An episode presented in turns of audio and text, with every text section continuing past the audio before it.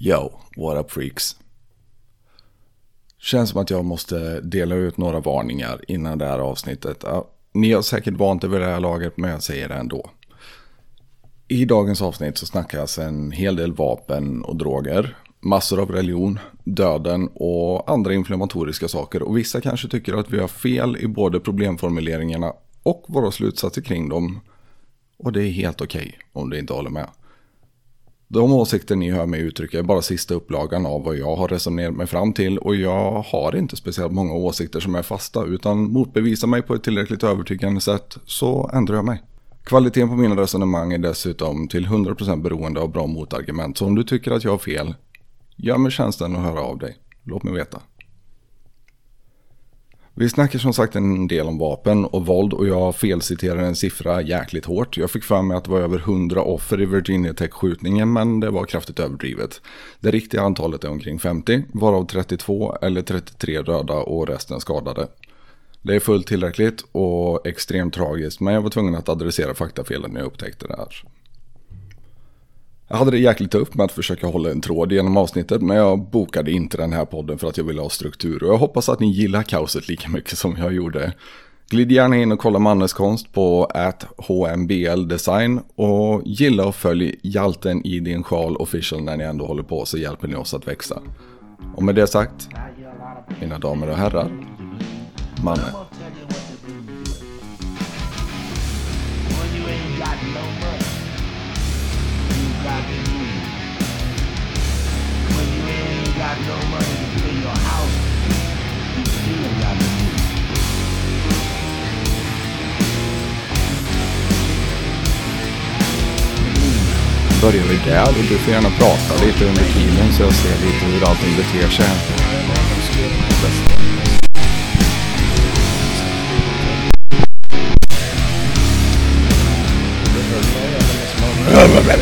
Nej, jag hör dig absolut. Frågan är ifall jag ska höja dig lite bara.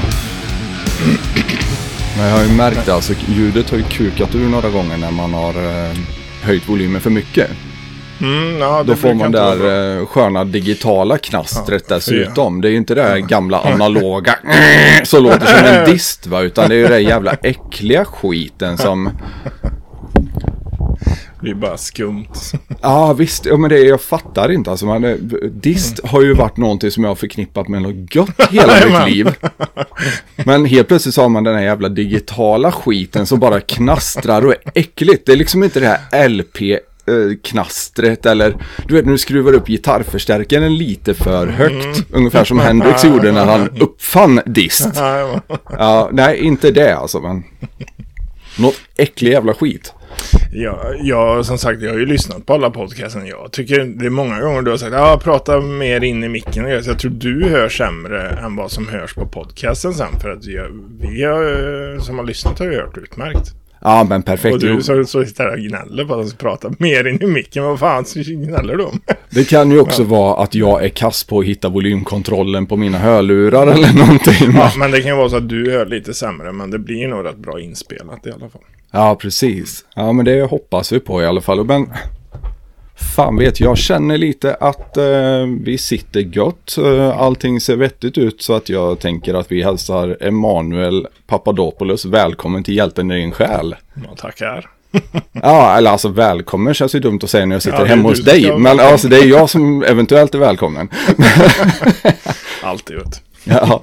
ja, men förbannat härligt att få till det här till sist måste jag säga. Det var jävligt kul att eh, vi kunde styra ihop det. Men om vi drar lite för folket som inte vet vem du är, eh, vilket borde vara de flesta som lyssnar tänker jag. Ja, det hoppas jag. Ja.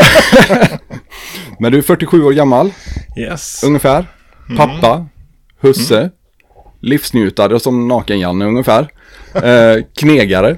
Numera. Ja, numera, eller nu igen. Ja, nu igen. Konstnär. Mm. Ja, ett typ, epitet typ. som inte många vill ta på sig frivilligt. Men eh, jag säger Nej. konstnär för att det blir så jävla svårt att hitta något annat ord för det. Jag målar och tecknar rätt mycket och skapar rätt mycket.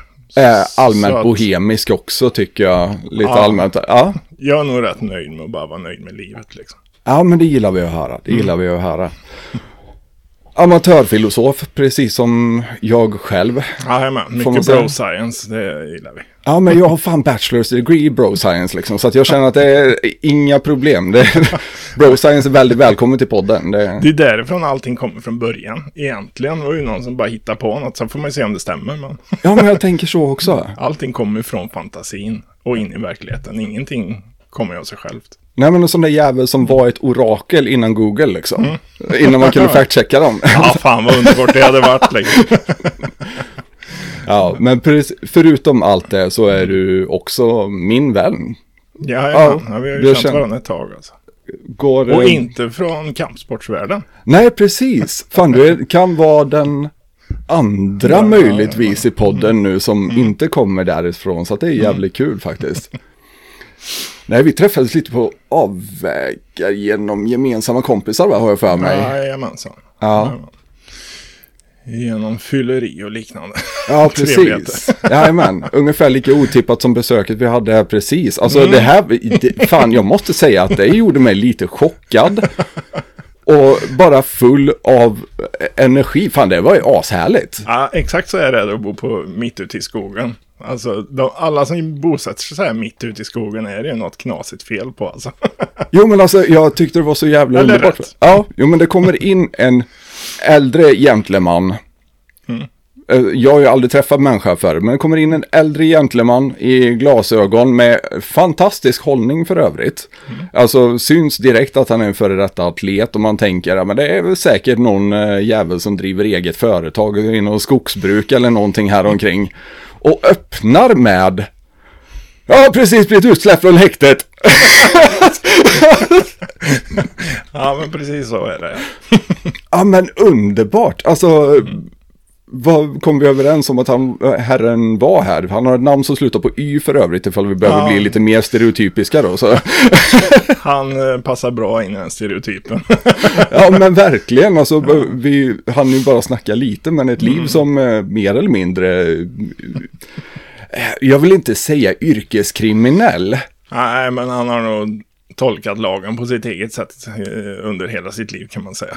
Jo men jag kände det lite också alltså, att eh, jag har aldrig träffat någon på det sättet förut som så fort berättar för mig att polisen vet ju min inställning till det så de borde ju sluta provocera mig egentligen. Jajamän. För jag går ju ut och pekar finger åt dem.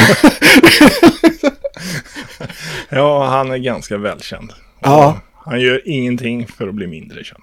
Nej, nej, nej. Ja, men alltså, Som sagt, du märkte ju själv otroligt trevlig människa. Liksom. Väldigt hjälpsam och djurvän och liksom ordning och reda hemma och sådär. Så det är ju sånt där som också kan knäcka stereotyper lite grann. Man får träffa sådana människor som man kanske första anblicken kan tänka att vad fan är det här för jävla dåre. Men ja, man kan vara både dåre och, dåre och rätt schysst. ja men verkligen. Alltså, det, det stämmer ju överens med min erfarenhet också. Alla som har växt upp i Labbås känner ju någon som är lite småkriminell. Och det brukar för det mesta vara jävligt trevliga och liksom hjälpsamma människor som bara hamnar fel. Pengar ska in. Cashen ska in, det är ett problem faktiskt. Det är det. Nej men det är ju underbart man träffar sådana här människor som är så rika på livserfarenhet och det skulle jag väl nästan säga att du är också. Ja, på mitt eget sätt kanske. Inte på det kanske klassiska så som jag har inte varit på så jävla många ställen utanför mitt närområde. Eller ja, i Sverige har jag varit, men inte mycket. Jag, jag, jag skaffat körkort ganska nyligen, jag är 47 liksom. Ja visst, och det trodde vi ju aldrig skulle hända. Så Nej, får vi säga grattis. Ja, tack. Fan alltså, det är, jag trodde aldrig du skulle ta, få tummen ur och bli vuxen. Men eh, Nej, jag lite tvärtom. Tycker jag. Jag tycker det är mer vuxet att utsätta för de här motgångarna man får när man inte har det. Man, det, blir, det blir liksom simma motströms liksom. Och inte ha körkort. ja men det förstår jag verkligen att det blir. Och hade du bott på Slätta så hade du varit mobbad varje dag. Alltså, eh, har du inte körkort två veckor efter att du har fyllt 18 då är du förmodligen efterbliven. Alltså, någonting är ju konstigt. Det hade väl kanske inte varit helt fel heller i och för sig. Nej, men alltså så länge jag har känt dig så har du varit jävligt kreativ och nästan ensam ansvarig för att klä mitt hem i konst i alla fall. Och för er som följer oss på sociala medier och sånt så min vägg la jag upp för ett tag sedan med några av mina hjältar. Det är du som är skyldig till att ha skapat dem. Ja, så är det. Du tvingade mig att måla lite så jag gjorde det. Ja, precis. Ja, men det är ju någonting som du gör en del ändå. Ja, absolut, det var jättetrevligt eh, uppdrag att få. Ja, det är ju kul när någon har en idé. Många gånger så har ju folk kanske inte så mycket av en idé. Och ibland målar man ju någonting som man själv gillar och sen får man se om det är någon som är intresserad av att ha det på sin vägg. Mm. Och så har det ju varit också lite förut i det- ert förra hus så var det ju en del grejer som ni fastnade för som jag redan hade målat. Så det var ju lite kul att få göra någonting som du eh, kände att du något som du verkligen ville ha från början och så fick jag se göra mitt bästa och se om du blev nöjd och det verkar ju som att du blev. Absolut, skiten hamnar på väggen. Jag menar, och som jag sa i avsnittet med Pontus, det, de ger väl mig ungefär samma känsla som folk som bor i Colorado får när de kollar ut på Klippiga bergen. Mm, ja, lite Ja. så. Att man liksom blir ödmjuk och bara kommer ihåg att vi står på axlarna och, av jättar liksom. Det är eller jättars axlar tror jag man säger på svenska. Jag tror det blev engelsk grammatik fast det är axlarna av jättar. Ja, men det är liksom, det är bara att släppa det nu för tiden. Man lyssnar på lika mycket, eller för egen del lyssnar jag mer på engelska. Så att det inte ska smyga sig in i en språk, det är ju fan helt omöjligt. Alla som blir skitnödiga när de hör det, de kan ju faktiskt bara, bara fortsätta vara skitnödiga helt Ja, men jag känner lite samma sak faktiskt. Det, det får vi bara svälja nu tycker jag. Ja, ja, för fan, språket är hela hälften lånord ändå. Det är precis så här det går till. Vi hittar ett ord som passar lite bättre på ett annat språk, så börjar vi använda det. Ja, ja, nu kommer inte jag ihåg, men vi hör väl till de germanska språken misstänker jag att vi gör. Och hur fan vi än vänder och vrider oss så går väl allting tillbaka till eh, sumer och latin ändå. Ja, Tänker jag i alla fall. Förutom baltstaterna, de jävlarna har bara eh, plockat fram ett eh, språk helt oberoende av alla andra och som bara de fattar. Det, ja men finnarna, vi har Estland och Ungern. Jag vet inte om det är fler som delar den språkgrenen. han är inte så stor. Nej, jag Av tror en anledning. absolut, den är ju helt Det obegriplig. kan ha varit fler från början. De som inte satt inne i stugan och inte fick memot om att vi har kommit på något bättre nu. De har köpt på skiten fortfarande liksom. Eller var det de som inte fattade varningsetiketterna kanske? Lärde sig aldrig språket tillräckligt bra för att kunna läsa dem. Nej, fy fan. Nej, vi ska vara glada att vi har ett så pass enkelt språk, tänker jag ändå. Men när vi träffades så höll du på lite med musik också, om inte jag har helt fel. Du hade något projekt att lära dig en hög med olika instrument. Då. Det var nog, jag skrev en del eh, musik och text och, och spela och bara typ spela ackord. Jag, jag är ju absolut inte mus musikaliskt begåvad, men det hindrar mig ju inte från att bli intresserad. Nej, precis. Så det är ju någonting som jag inte är speciellt duktig på. Det är något som jag bara tycker är kul. Ja, visst, men begåvning och intresse behöver ju inte nödvändigtvis höra ihop. Nej, det är, det är väldigt mycket motvind att försöka bli bättre musik. Jag tror jag försökte lära mig att sjunga i över tio år innan jag fattade hur det funkar. Men det, det är väl lite min fördel att jag är väldigt nyfiken och jag har noll intresse av vad omvärlden tycker om mina intressen.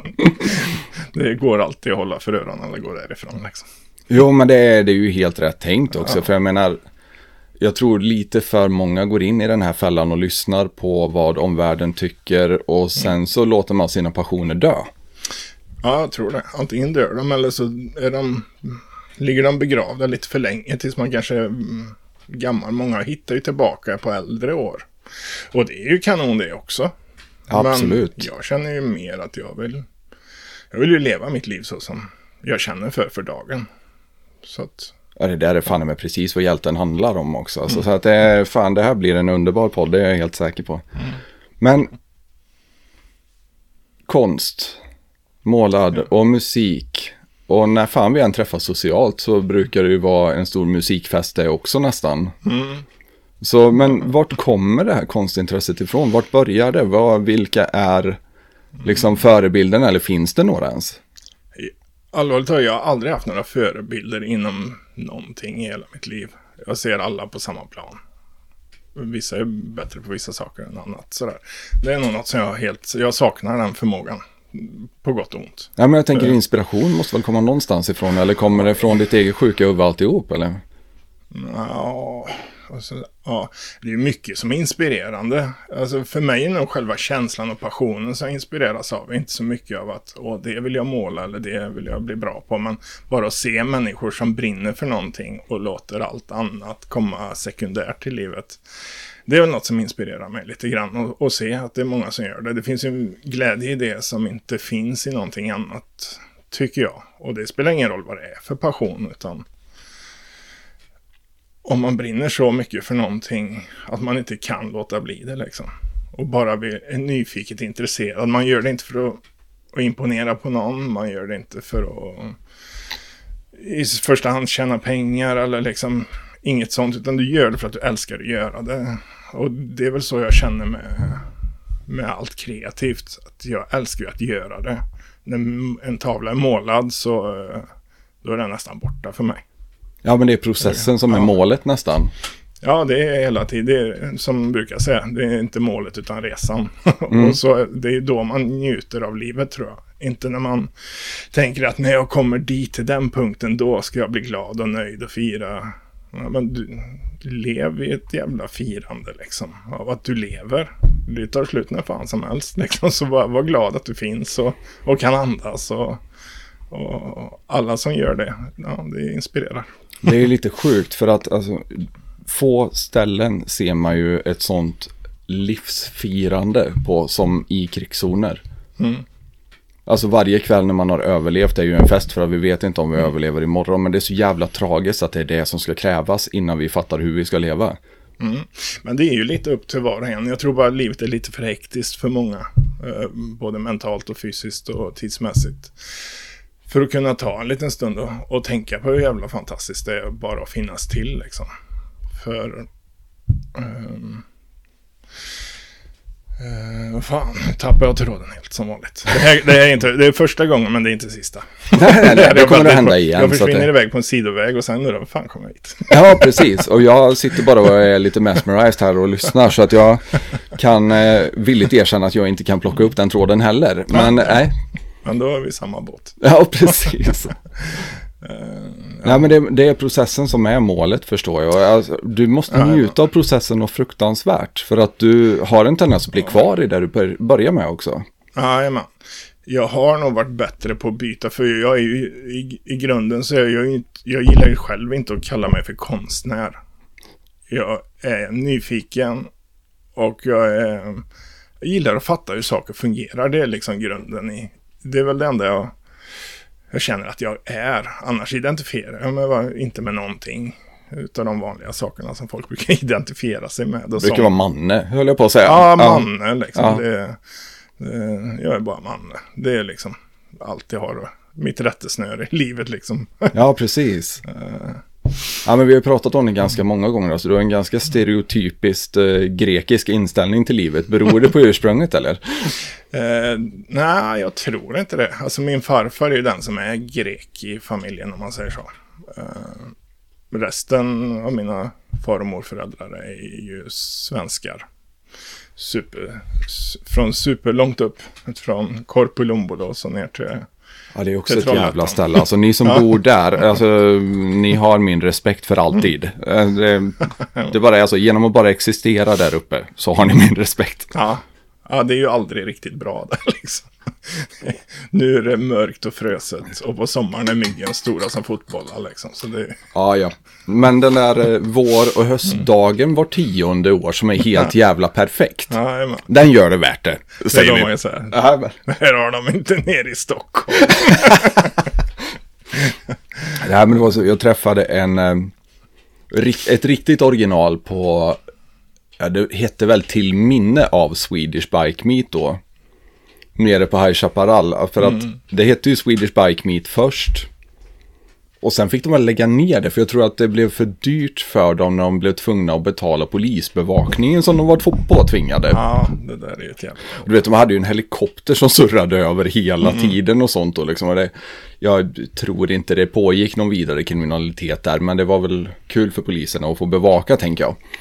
Men killen i alla fall kör en gammal jävla HD Panhead. Jag, kommer, alltså jag tror det var en 40-tals hoj.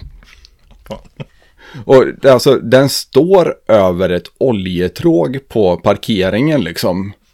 Och jag, jag tittar på snubben, han, vi började ju snacka hoja, eller givetvis. Han bara, ja det där är min liksom. Han, du körde inte den hit.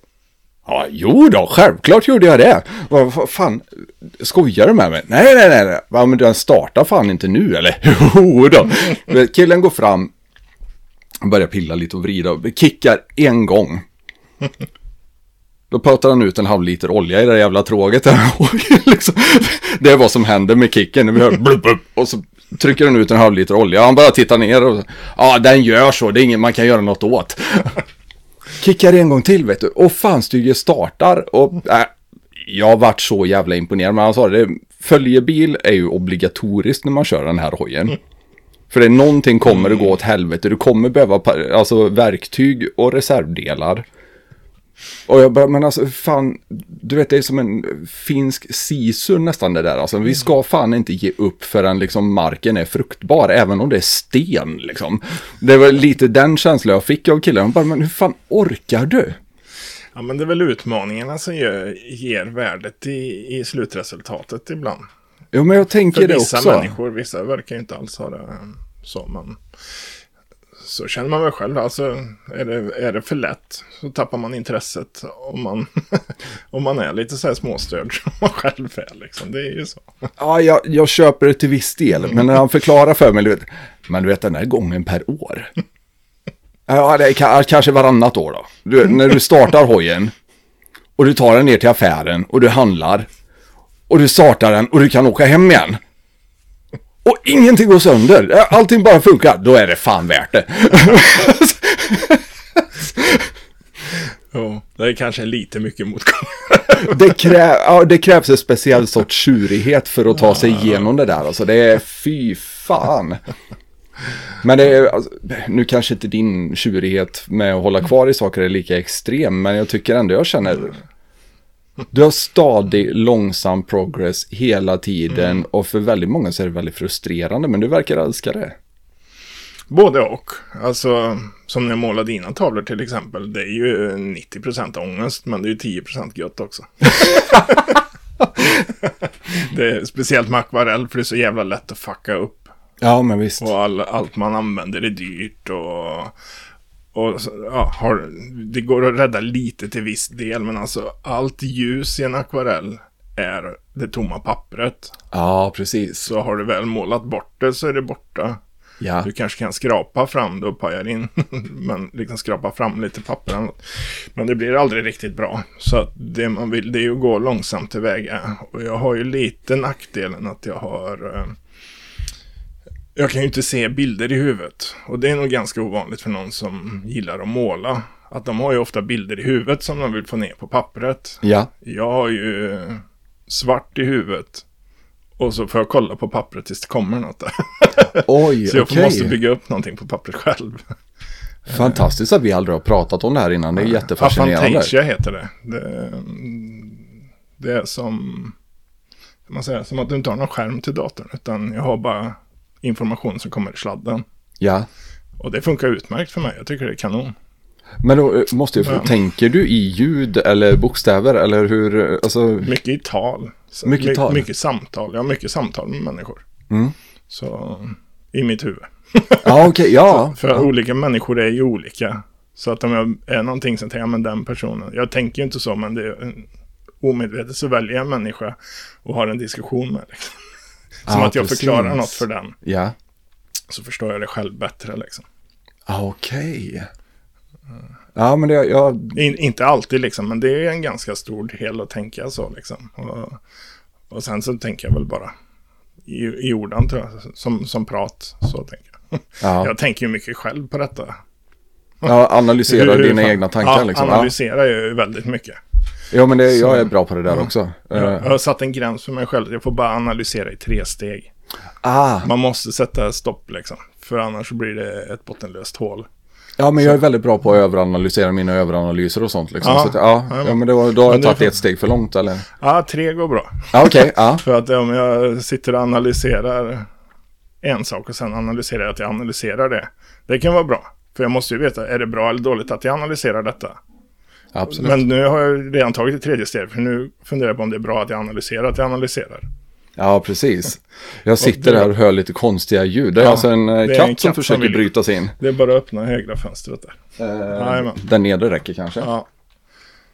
Tjena! Yes. Nej, men, och, och där tycker jag, där får det stanna liksom. Det har jag kommit fram till. Ja, okej. Så det här låter väl extremt flummigt kan jag tänka mig. Ja, men jag skiter i om, vilket. Om man analyserar mycket så um, det är bara ett tips som funkar för mig. Tre steg, sen får det fan vara nog. Ja, okej. För, ja. för då blir det bara analysera analysen av analysens analys. Och då, har du, då kommer du ingenstans längre, utan du har kommit för långt från början. ja, visst. Nej, men jag tycker ändå att du är på någonting där. För att man måste då och då i alla fall. Det är ju inte obligatoriskt jämt. Men jag känner ändå att man väldigt ofta borde i alla fall analysera sin, sina egna tankar lite. Alltså sina Ja, egna absolut. mekanismer. Varför kommer jag fram till den här slutsatsen när jag får den här informationen? Mm. Det, jag tror det är väldigt nyttigt att göra, men det kan ju också tas alldeles för långt som sagt. Så att, Jajamän. Jo, det tror jag. Och, det är väl därför man också ska ha de här stegen. Att analysera. Att man analyserar också. För du måste vara skeptisk till. Är detta något jag tjänar på eller inte? Annars så tror jag att du, det är väldigt lätt som du säger att du, det blir det en börda istället för dig och gör dig handlingsförlamad. Att du analyserar sönder saker och, och grejer. jo, men analysparalys är ju ett begrepp av en anledning. Så är det ju. Och det, alla känner ju säkert någon. I mitt fall så är det jag bland andra som liksom kan fastna i det här. Att man sitter och analyserar sönder någonting så pass mycket så att du är i stort sett utbränd när du väl ska försöka börja ta, ta dig an projektet. Varför att du har redan tänkt igenom allting. Tror man i alla fall. Sen får man ju alltid verkligheten kastad i nyllet ändå. Det är så.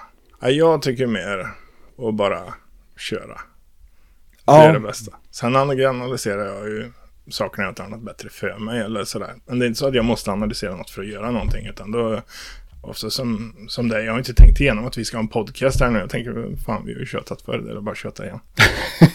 Jag tror vi kan lösa det. Absolut. Men vad fan.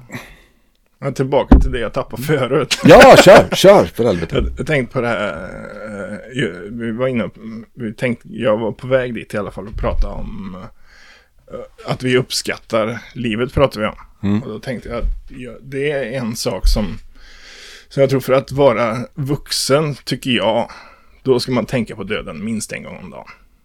Jo, men det ska Sin man göra. egen och sina nära och käras.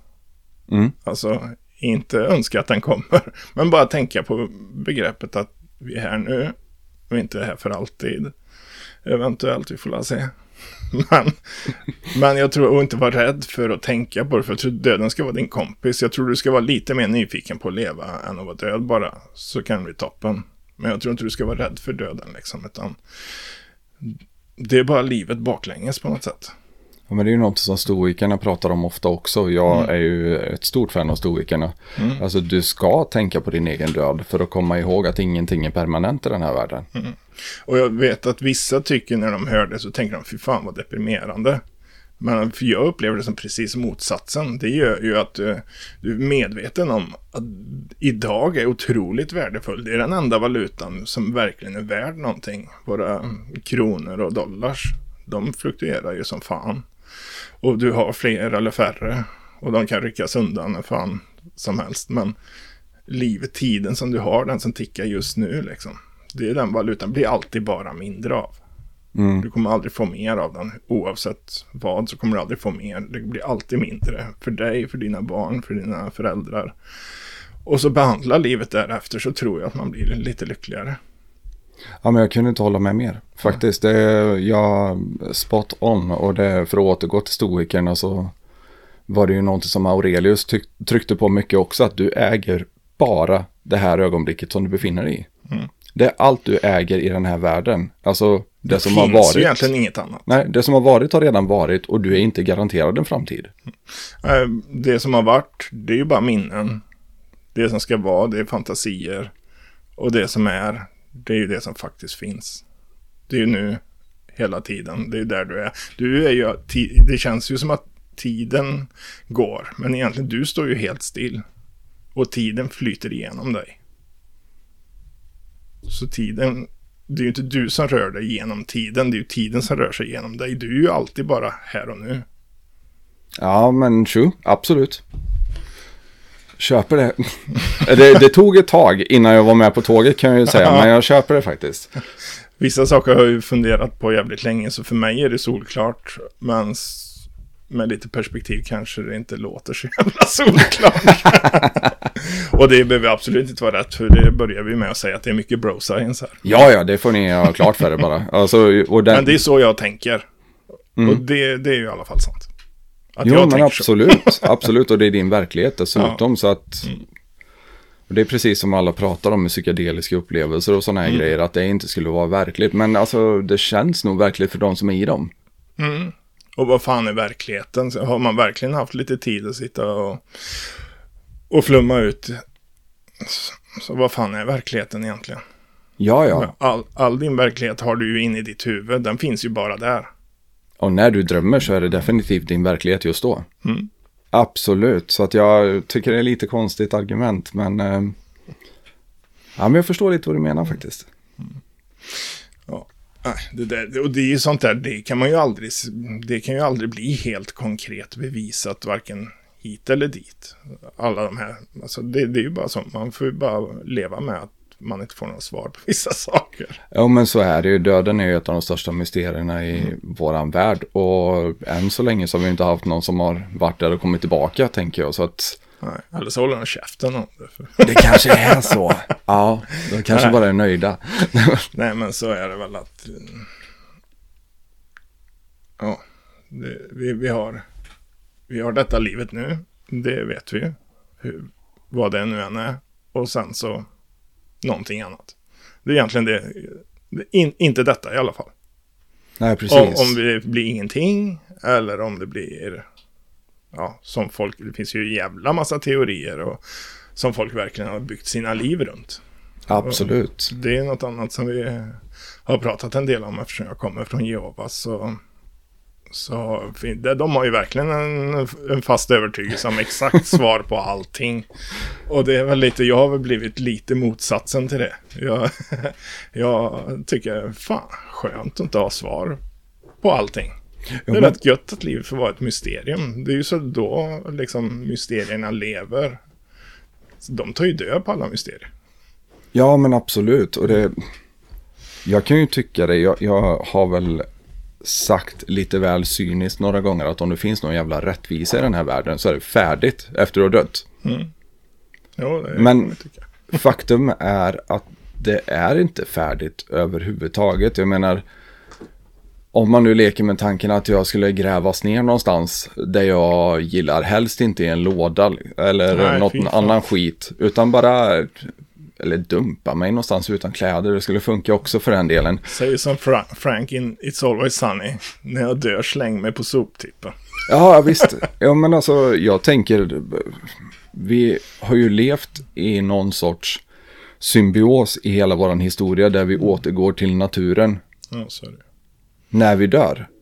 Alltså vi kommer från ingenting, men det vi blir återgår ju på något vis till kretsloppet i naturen när vi dör. Och det är väl det som är det absolut mest naturliga. Jag tänker på de här sky burialsen i Ja, jag satt Tibet. just och tänkte på det, men det är ju min... Alltså, skulle jag få välja helt själv så är det ju så jag skulle hanteras efter min död. Det är ju bara... Det är praktiskt är det ju lite problematiskt. För man skulle nästan få be någon av sina vänner och stycken och ge till fåglarna då. Ja, visst. Och eh, jag vet inte om jag har några sådana kompisar. Alltså det beror på hur länge du har tänkt att leva tänker jag. Jag tänker inte släpa upp dig för berget eh, när jag är 60 plus. Det kan du fet glömma. Alltså, nej, men, Jag ska försöka gå upp där och dö. ja, precis. Precis. Alternativt dö lite yngre så att jag fortfarande orkar bära upp dig. Nej, men, alltså, Ja, Du kommer att mörda mig. Jag orkar snart inte längre. Nu nej, fan. nu är det färdigt. Jag vill inte bryta mitt löfte heller. Nej, precis. Nej, men jag har tänkt den tanken ganska många gånger. Alltså det finns ju områden med natur som jag eh, älskar och på något vis känner liksom en spirituell sammankoppling med också.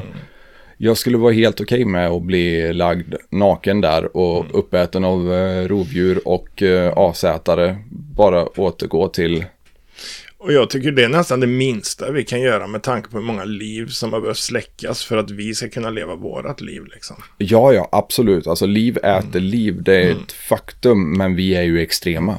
Ja. På alla Jo, vis. ja. Och vi lever länge, vi kräver mycket underhåll. Och så vidare liksom. Så det är ju klart, det, och det spelar ingen roll vad du äter. Det är ju inte bara djurliv som är, är liv liksom. Det är ju växter och allt som lever på växter och som dör när du skördar växter. Och, så att om du ska leva ett långt liv så kommer många andra liv ha släcks för att du ska fortsätta leva. Så är det ju. Så varför inte åtminstone få ge sin egen kropp som föda till vare sig det är maskar eller bakterier eller fåglar eller vad fan som helst. Liksom. Det, det spelar mig egentligen ingen roll. Jag, men jag håller med, jag vill inte balsameras och läggas ner i en jävla låda för att ligga där. Det är ingen nytta. Nej, det finns ingen mening med det. Alltså alternativt bränn mig på ett bål eller någonting så Mm. får askan bli näring. Liksom. Men jag, ja, vi, Ja, en sån vikingabegravning ser ju ändå lite coolt ut. Ja, men det är lite ball Skickar en faktiskt. rätt på i Ja, ja, ja. absolut. Ja, men det, det finns Det är synd man får inte sätt. se det själv bara, det är ju för jävligt. Ja, det är lite synd. Det är det faktiskt. Jag, jag skulle vilja se en sån någon gång faktiskt. Det hade Mm. varit eh, häftigt. Men hur jävla bortkopplade har vi inte blivit från det här? Vi ser ju nästan aldrig döden längre. Nej, Utav alla man känner så är det ju inte alla som har sett en död kropp eller ja, ett dött djur kanske ens en gång. Alltså, jo, Nej. något dött djur har man ju sett en fluga. ja, ja, ja, ja, men de räknas ju inte. Allt under Kanske inte fisk tror jag inte räknas. Nej, jag ingen bryr sig om fisk. Nej, det är ju inte ens veganerna, de slår ju ihjäl.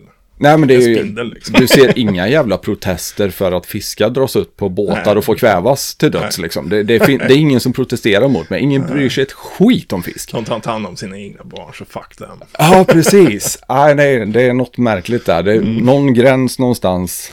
Men jag vet att fisk är under. Ja, men det stämmer. Nej, men det, jag tror eh, du är på någonting där också. Alltså, jag känner nog några människor som aldrig har sett hur kött blir till. Absolut.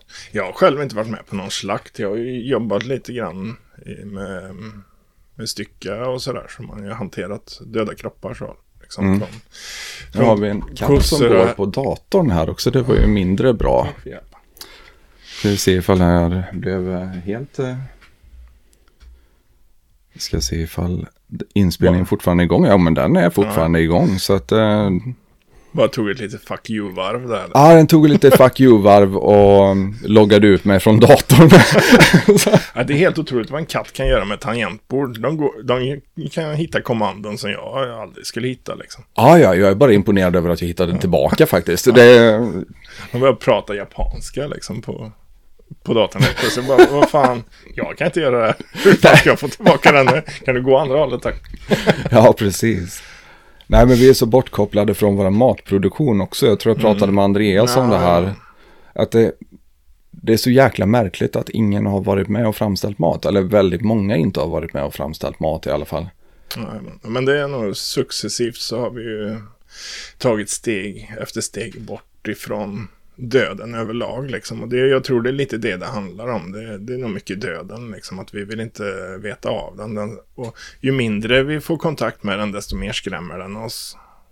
Så jag vet inte om det är en tillfällighet eller om det ligger någon, någon, något bakom. Att det är lättare att hantera ett folk som är lite eh, mesiga rädda för sådana naturliga saker som nakenhet, kroppen, döden.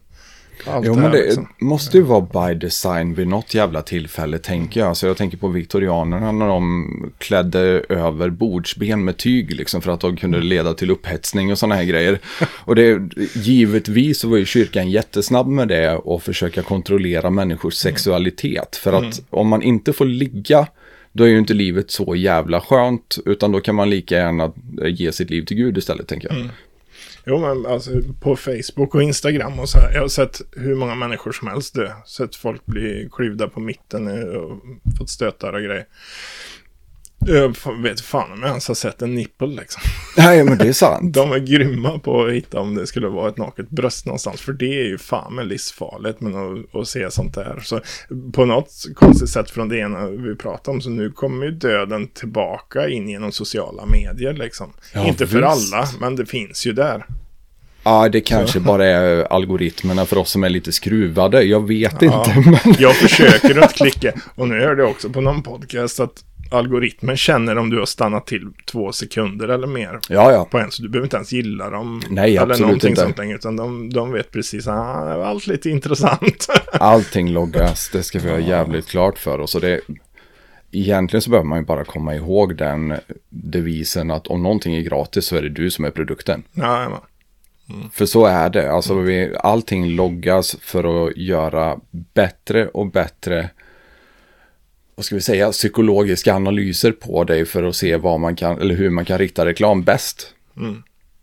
Så att vi har liksom ett reklamsamhälle numera som har gått från att vara en tv-shop. Kommer du ihåg han som ren- rensade toaletter eller göteborgaren? Det blir superrent i kröken.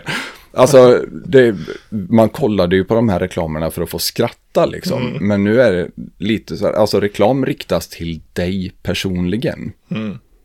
Från att jag satt som 7-8-åring och skrattade åt idioten som rensade toaletter på tv liksom till att reklamen verkligen riktas mot mig. Och dessutom med mitt undermedvetna som vapen mot mig. Det är en ganska skrämmande tanke. Jajamän, jo, men man måste nog ha lite eh, tid att vara lite skeptisk. Om man ska klara sig. Eh, alltså man klarar sig nog inte helt utan påverkan kanske. Men om man ska klara sig lite bättre så får man nog faktiskt ha tid att ta ett steg tillbaka och ta lite beslut när det gäller mm, sociala medier och, och annat som som du säger, de försöker ju komma till ditt undermedvetna. Man ser ju, TikTok slog igenom så jävla stort så nu håller ju Facebook och Instagram och så på att TikTokifiera sig. Så att det premieras ju korta klipp. Så att du fastnar och kollar på nästa och nästa. Det är ju det det handlar om. De skiter ju egentligen om i det. Det är ju bara att ju längre vi tittar desto fler reklamer kan de visa för oss och desto mer pengar trillar in. Och desto mer data kan de samla in från dig Mm, också. Ja, det också. Eh, Från ditt beteende. Jajamän, så de kan ta mer betalt för reklamerna. Så, så att det, det är ju businessmässigt så är det ju inte dumt tänkt. Det är helt något jävla sätt. briljant. Mm. Och vill man bygga en spionprogramvara så kan man nog inte göra det bättre än TikTok är byggd. Nej. Tänker jag. Och det som är läskigt är det som vi pratade om förut, eller som jag tycker i alla fall, att det är ju tid som är våran enda riktiga valuta. Den som alltid blir mindre av. Och det är det som de här sociala medierna dränerar oss på så inåt helvete. Det jag är, kan ju själv sitta om jag bara vill sätta mig och bara slappa en stund. Och bara ta fram Instagram och kollar en grej. Och sen så har det gått 20 minuter. Jag bara Ja, klickar mig tillbaka. Ah, det var den jag skulle kolla på. De började den. Man bara matat video efter video efter video liksom. men hur ofta är det inte man har plockat upp telefonen ur fickan för att kolla vad klockan är? Och så ser du en noti notis och så råkar du kolla den. Och 20 minuter senare så stoppar du ner telefonen i fickan igen. Du har fortfarande inte kollat vad klockan är. Det är då man slår sig. Fan, jag jag har glömt något. Ja, Just det, exakt. kolla klockan. Ja, visst. Ja, men jag märkte det. Min telefoninteraktion gick ju ner markant när jag började ha ett handledsur på mig. Ja, okej. ja. Det var nästan en överlevnadsstrategi från min sida för att jag, alltså jag fastnar i skit. Det är lite så eh, min hjärna fungerar och jag tror jag har med ADHD att göra också. Alltså jag fastnar hårt och det är lätt att sno min uppmärksamhet. Ja, Så jag märkte ju min, min telefoninteraktion gick ju ner drastiskt när jag skaffade en klocka. Alltså. Jag försöker ju gömma de mapparna. I Ja. alla fall så jag inte ser dem på telefonen. Ja. Så de ligger inom mapp någonstans. Eh, det hjälper inte så jättebra. Jag har en mapp också som heter tidsätare. Ja. Ja, ja, det är bra. ja jo, men den, den är markerad tidsätare bara så att jag verkligen ska komma ihåg det varje gång jag öppnar den där jävla mappen. Och så försöker jag lägga allting som inte är essentiellt i den. Alltså de här sakerna som man ändå vill kunna göra. Man vill kunna vara ute på sociala medier när man känner för det. Nu blir man ju inlurad oftare än man vill ändå. Men eh, en liten, liten notis för min del då liksom att kom ihåg det när du öppnar den här så kommer det att äta upp din tid. Mm. Jo, så är det. Och sen har man ju sett hur mycket roligt som helst. Så, alltså jag älskar ju internet. Ja, det är det bästa som har gjorts Ja, nästan. Alltså, Den humorn som växer fram ur internet, den är ju, den är ju klockren. hur liksom, briljanta på är inte memes? ja, jag vet. Alltså de förklarar ju. Vi har ju nog aldrig haft ett sätt att förklara våra känslor så jävla klockrent som många memes kan göra. Nej, Och speciellt absolut de här inte. old school med trollface och allting. Allting det byggde ju på att du vet den här känslan va? Ja. Och alla vet exakt den känslan. Och det är ju det kommunikation är. Det är att jag ska få den känslan jag har in i ditt huvud liksom. Jajamän, och det, alltså, det finns ju inget effektivare sätt än en kort text med en bild. Nej. Det här har ju militären vetat hur länge som helst. Det är så deras instruktionsböcker ser ut, eller deras handböcker i allt. Det är en kort text med en bild. Du ska fan inte kunna misstolka det här. Nej.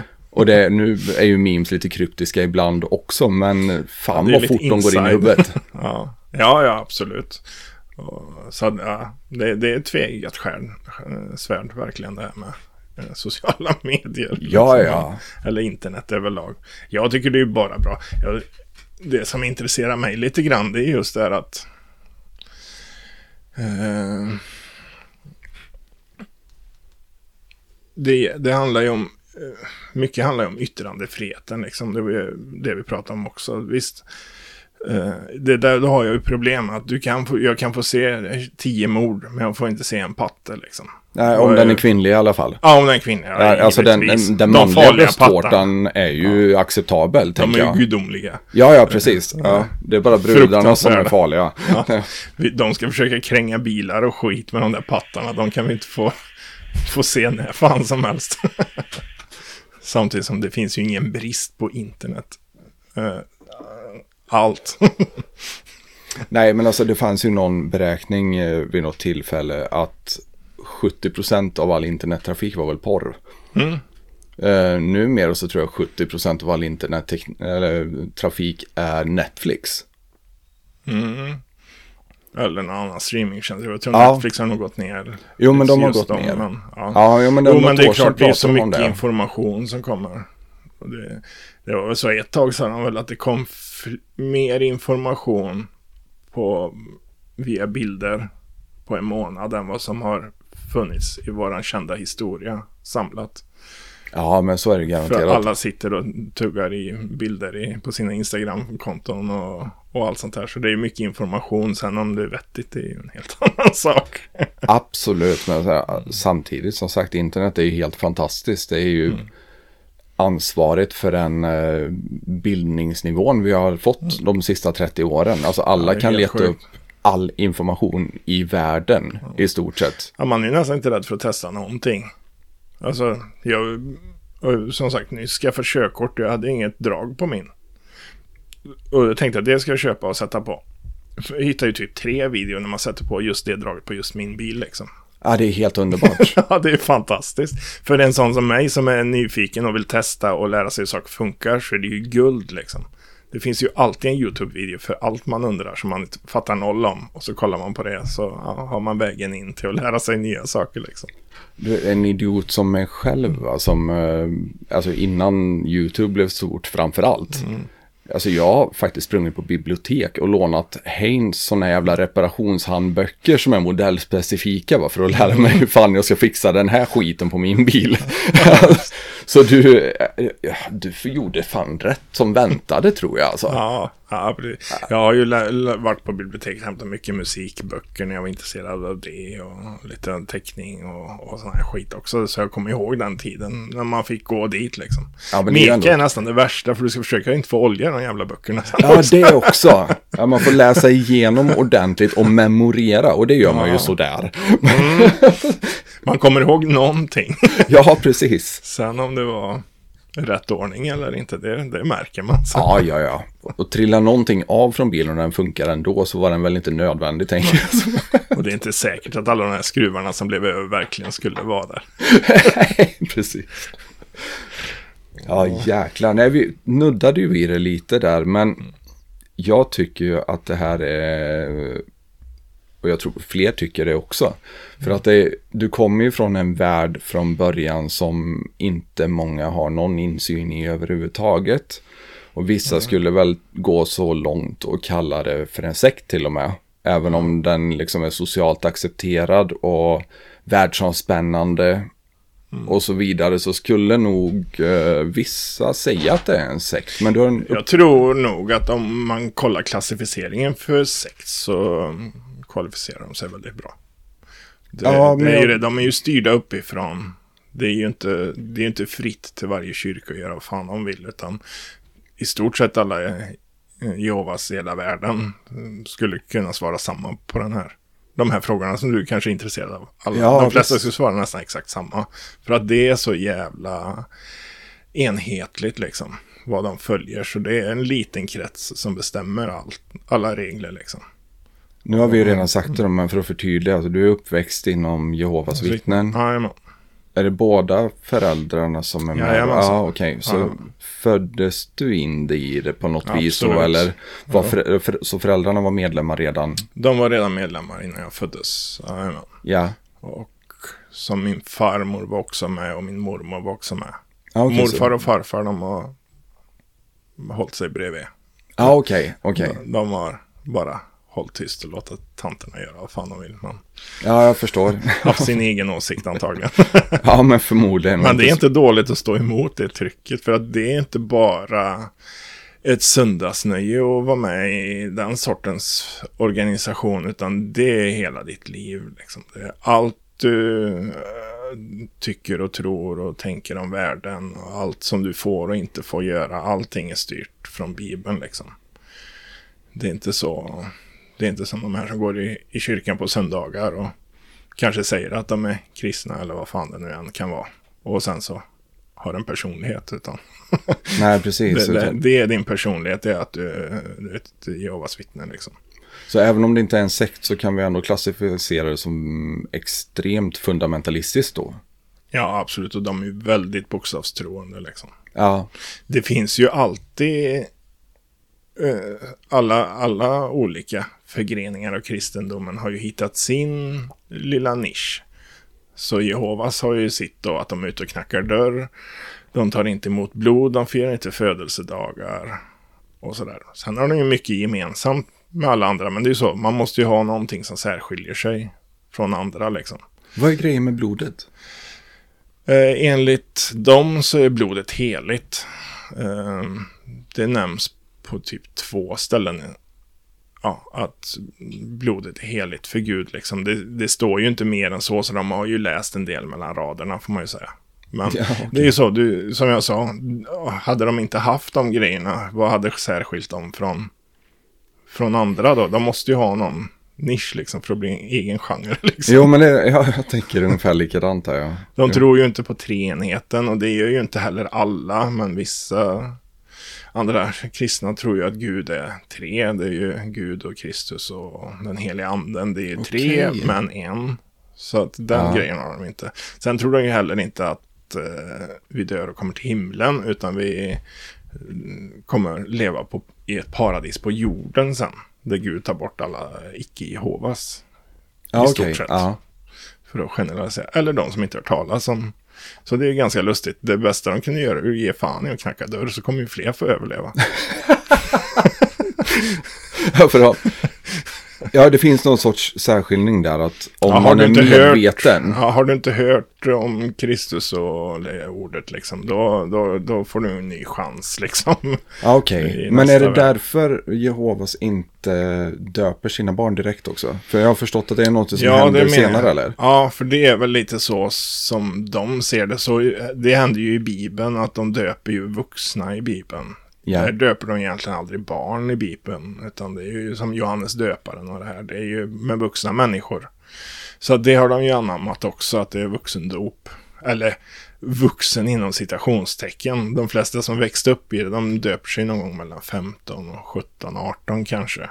Så att det är väl vuxen med modifikation kanske för att det, man är väl, har ju inte skapat sin riktiga någon personlighet själv utan de är väldigt noga med att man inte ska falla för grupptryck. Men då menar de ju utifrån Jehovas, inte inifrån Jehovas. För där skulle du fan mig falla för grupptrycket och döpa dig. Så det gjorde ju jag då när jag var kanske 17 eller någonting. Men förklara det här för mig lite för att vad är det som avgör när man döper sig? Är det när man har uppnått en viss kunskapsnivå då om, eller vad är det som Nej, avgör när riktigt. du är redo? Eh, det är ju någonting som man själv får, får säga till då. De som leder i församlingen som kallas för äldste. Att säga att ja, men jag skulle vilja överlämna mig i Guds händer typ. Så det är ju den delen som man gör själv.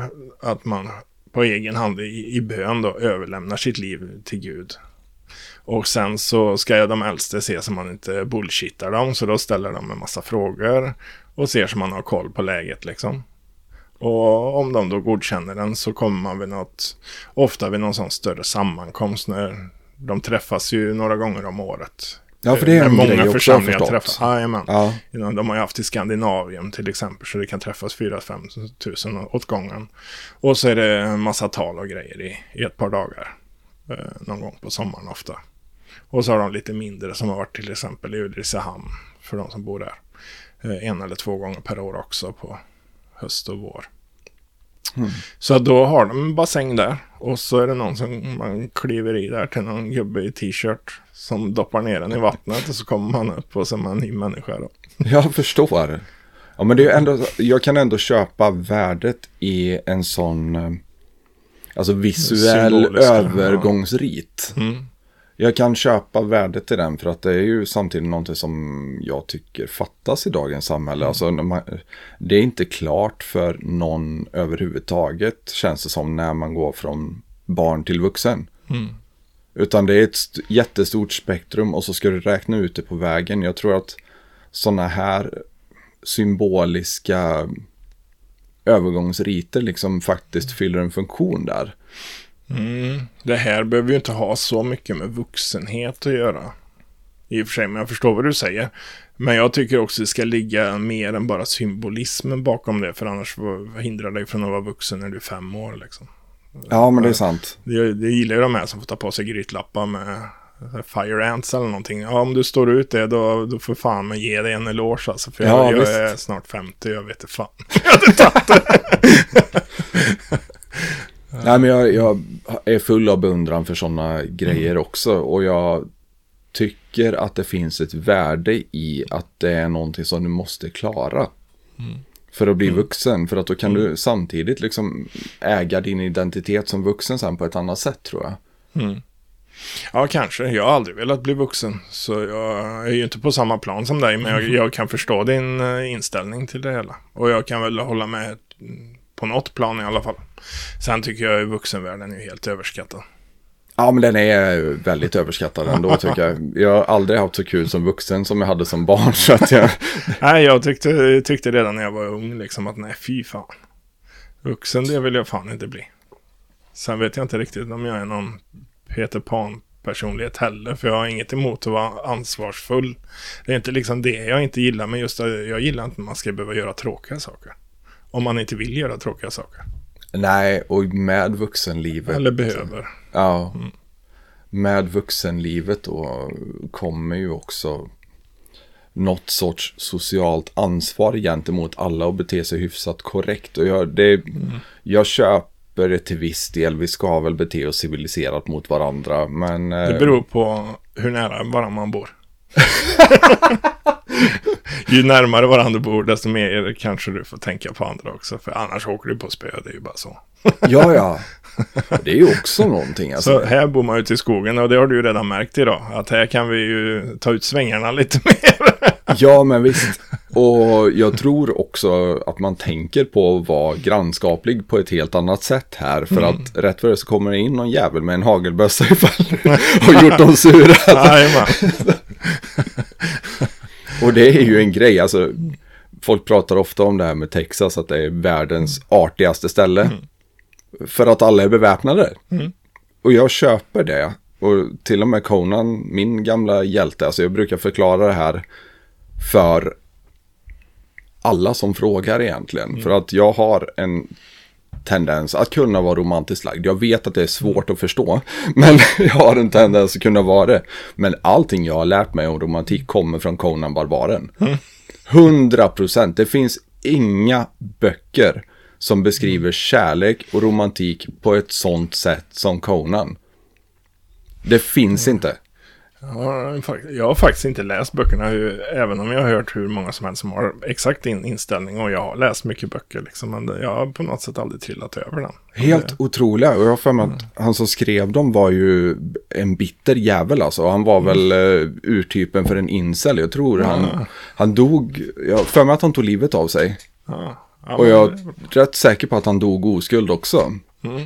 Så att uh, han hade ju några så här riktigt... Uh, riktigt välformulerade drömmar kring hur han tyckte att kärlek skulle vara mellan två personer även om man aldrig hade upplevt det. Mm. Och de beskrivningarna är helt otroliga.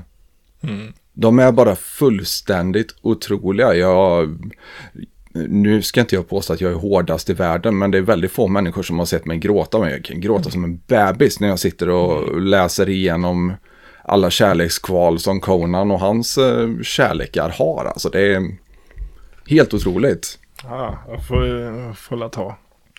Nu finns den där på ljudbok. Så ja, den finns säkert. Jag har ju aldrig tid att sitta och läsa. Det är ju ett problem. Eller tid, jag tar mig inte tid. Jag gillar ju när det går att lyssna på saker. Det är därför jag har ju lyssnat på podcast i typ 15 år. Eller något. Ja, visst. Vad fan kan det ha varit som vi började lyssna på det här Talking Shit with Ja, med Jim Jeffries och Eddie Ifter och de som lurade in mer. Jag ska bara ja. säga det om Conan innan vi går mm. vidare där. Att han hade ju ett gammalt uttryck. Att han tyckte att, ja men, outlaws och barbarer var mycket mer artiga än civiliserade människor. Mm. För de räknade alltid med att de kunde få sitt huvud kluvet av ett svärd ifall de sa fel sak. Nej, men, jo, men det kan, kan man ju köpa. Det, Sen är det väl lite så här om man är artig på grund av hot eller om man är artig för att hotet har gjort att man har tänkt efter och tänkt ja, det kanske är rätt sunt att vara artig. Inte bara för att jag var kluvet Nej. Annars, utan ja. Jo, men absolut. Det finns ju givetvis någon sorts eh, mm. avvägning där för vilket som är nyttigt och inte. Alltså det är någon gräns i alla fall vilket som är nyttigt och inte. Men jag har svårt att se nackdelarna faktiskt. Mm med ett artigt samhälle och även ifall det kommer via hot då. Mm. Ett genuint artigt samhälle är ett genuint artigt samhälle. Absolut. Ja, vi har ju verkligen inte det nu. Så att, nej, men det, tror jag mycket bra. Samtidigt, jag tycker också så jag skulle nog trivas bra i Texas. Jag gillar idén, även om jag inte är någon så vapenfanatiker liksom. Så hade det varit pro problemfritt att ha så hade jag gärna haft lite vapen. Jo, men absolut. Jag ser inte något problem att alla gick runt med det. För folk tänker, att alla ska bara skjuta varandra. Men hade du skjutit någon? Antagligen inte. Då kan du inte säga att alla andra ska göra det heller. Nej. Vissa kanske skulle göra det, men de skulle också bli skjutna. Så visst, vi skulle haft en liten tuff period att ta sig igenom. men efter det så har det varit jävligt många artiga människor Ja, det är några arslen att bli av med först. Ja, så folk dör ändå. Fan lipar folk för? Nej men alltså folk kommer alltid hitta sätt att skada varandra. Så ja. är det ju. Nu är ju skjutvapen väldigt effektiva. Mm. När det gäller just att skada varandra och resultaten blir ju spektakulära när... Eh, mm. Alltså, jag... Var det Coleon Noir på mm. Rogan som pratade om det här med Virginia Tech-skjutningen? Ja, jag vill minnas att jag var... Han var där häromdagen igen förresten. Ja, ja men jag tror ja, det var den jag lyssnade ja, okay. på. Uh, och vi behöver väl inte hänga oss kvar vid det för länge, men de pratade om Virginia Tech i alla fall. Mm. Och det var ju en skjutning som var helt jäkla horribel. Jag vill minnas att det var över hundra offer i den. Och personen i fråga utförde väl hela dådet med bara vanliga pistoler. Mm. Så han gick ju runt och laddade om om mm. och om och om igen. Men någonting som de tog upp där också som faktiskt är väldigt värt att nämna. Mm. Är ju att han kunde göra det här för att han hade kedjat ihop dörrarna innan han började. Mm. mm. Ingen kunde ju ta sig någonstans utan mm. eh, det är ju ursäkta uttrycket då, men att skjuta fisk i en tunna liksom. Mm. Ja, ja, men det är ju precis vad det är. Ja, och ingen annan inne på skolan hade ju vapen heller. Han var den enda som hade det där inne. Mm. Och man kan ju vrida och vända på det där hur långt som helst. Ja, det är ju svårt. Men jag tänker ju samtidigt att om fem andra laglydiga människor som faktiskt har genomgått utbildning skulle ha vapen på sig i den situationen så skulle hans odds att lyckas med det där vara ganska mycket sämre. Mm. Det kan ju åtminstone finnas en vaktmästare som måste vara inomhus jämt. Ja, men, Med, med ett hagelbrakare eller någonting. ja, men visst. Blåsa, blåsa rent lite. Nej, nej men det är, det är ju otroligt horribelt som du säger. Och plus att det är så jävla vanligt med. Ja, ja, men, Nu är det knappt en notis om det inte blir någon sån här extrem skolskjutning så är det ju bara, ja ja, det har varit en till. Det är en varje vecka. Vem, vem orkar bry sig längre? Och det är ju tragiskt när mord på människors barn liksom blir det en axelryckning i slutändan. Liksom. ja, men visst, det är hemskt. Det är fruktansvärt, men det är ju någonstans som Stalin sa också att en människas död är en tragedi, men en miljon människors död är bara statistik. Ja, ja. lite så. Alltså någonstans där så tappar man ju koncepten för hur mycket man kan ta in och så vidare. Och man blir ju avtrubbad också. Vi äter ju, hur många är vi i världen? 8 miljarder? Jag vet inte. Alltså vi äter hela världens tragedi varje dag. Jajamän, jo det är det. Och det är ju nog många som tappar, tappar liksom det perspektivet att du hör ju bara om, om de sakerna. Det händer ju alltid hundra gånger fler fantastiska grejer liksom. Ja men hoppas ju det i alla fall. men Även i Liberia. Jo men liksom. tänk dig i ditt eget liv hur många bra saker du ser på en dag jämfört med tragiska saker. Ja men Det är absolut. ju alltid bara en massa mer bra folk som är artiga eller liksom. Ja men sen finns det ju också folk som bor i Mad Max i våran värld. Så är det ju Och såklart. där kan jag tänka mig att det är lite mer överhängande tragedi. Men Jo, jo, jo, det finns ju vissa ställen på jorden som är riktigt eh, vansinniga. Så Absolut. självklart. Jo, jo, nej det är ju inte så, men det, på samma sätt det finns ju ställen som är helt fantastiska också liksom. Och, och, och saker som händer och, och människor som är glada och gör bra saker och uppfinner saker och allting sånt där. Det matas vi ju inte med på samma sätt. ja men det har inte samma nyhetsvärde. Och våra hjärnor är inte heller lika intresserade av sånt, utan vi söker oss till hot. Ja men vi är bra på att registrera dem och det Mm. är väl därför vi har klarat oss så länge som vi har gjort också antar jag. Men då känns det lite som att media har hijackat det systemet hos Mm. oss. Ungefär som godis hijackar liksom det här leta upp vitaminer systemet. så eh, har media lyckats att hijacka systemet som får oss att uppfatta hot väldigt fort. Mm. Så eh, ja, jag...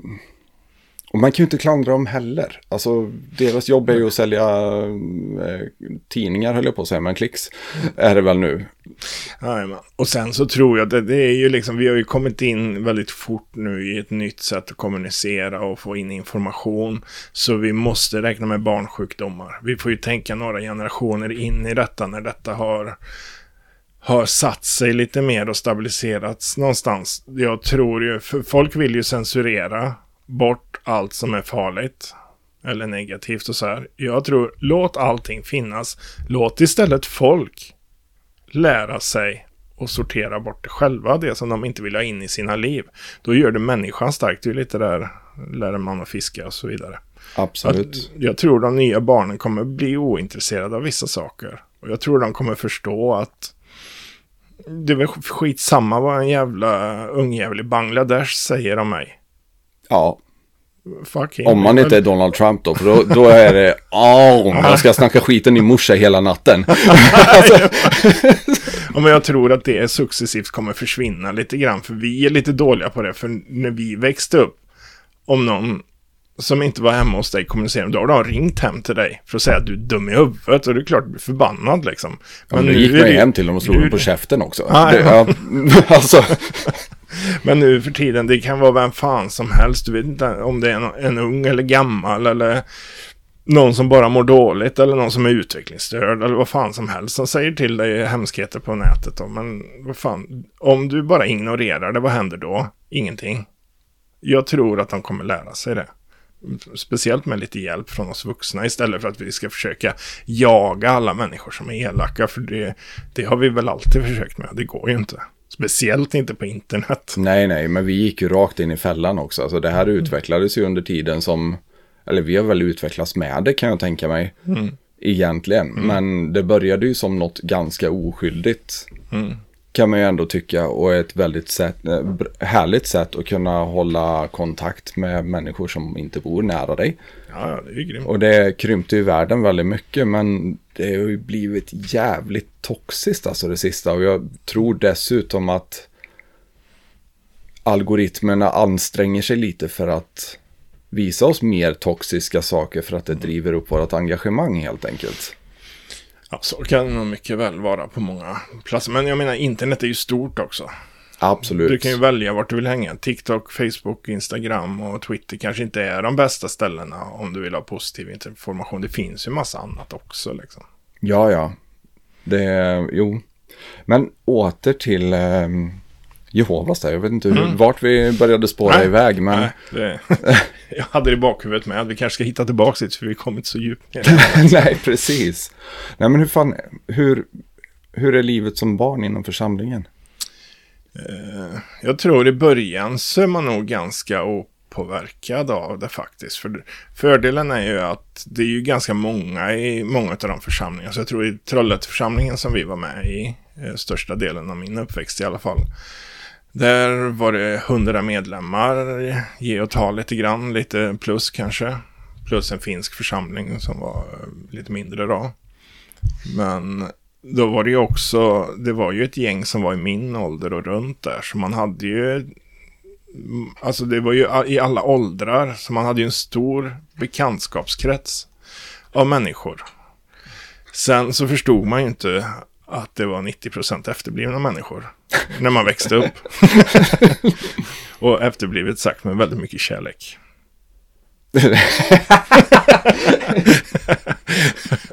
Nej, Vi har alltså- vänner som vi kallar efterblivna med väldigt Ja. mycket kärlek. Men det, Nej, det, men jag skulle kunna bättre ord är väl att de är väldigt speciella. Eh, De hittar inte socialt umgänge med lätthet utanför en sån organisation. Det är många som lever själva, som liksom... Om du ska släppa in någon och tycka att det är en bra idé att hålla på med all den här skiten så får du ju saknas ganska mycket i ditt liv från första början. Och det är ju de de hittar i första hand. Däremot att vara uppväxt i det, det är en annan grej. Så det kanske jag fortfarande inte kan tycka är jättebra liksom. Att man bara får se en så mm, onyanserad bild av världen. För det vet jag att när jag själv gick ur så tyckte jag nog... Så var jag lite förbannad på min uppväxt. Att jag tyckte varför har ni byggt hela mitt liv på era egna lögner liksom. Som ni har valt för er själva. Varför har jag inte fått se hela... Jag är ju sån, jag vill veta hur saker funkar. Jag, då vill jag absolut inte bli... Få skygglappar på och bara se pyttelite av världen liksom. men blir man på något vis eh, avskärmad från eh, världen omkring? Ja, eller? väldigt mycket. Okej. Ja, beroende på hur, eh, hur engagerade dina föräldrar är då, givetvis. Det finns ju de som har delat hem, till exempel den ena föräldern är Jehovas och den andra inte. Och de kan nog få en lite mer nyanserad bild. Men det är ju ganska ovanligt ändå. De flesta hittar ju en, en annan som också är med och gifta sig med och skaffa barn med. Så att de, och de är väldigt bokstavstroende, så mm. eh, tappar jag tråden lite grann.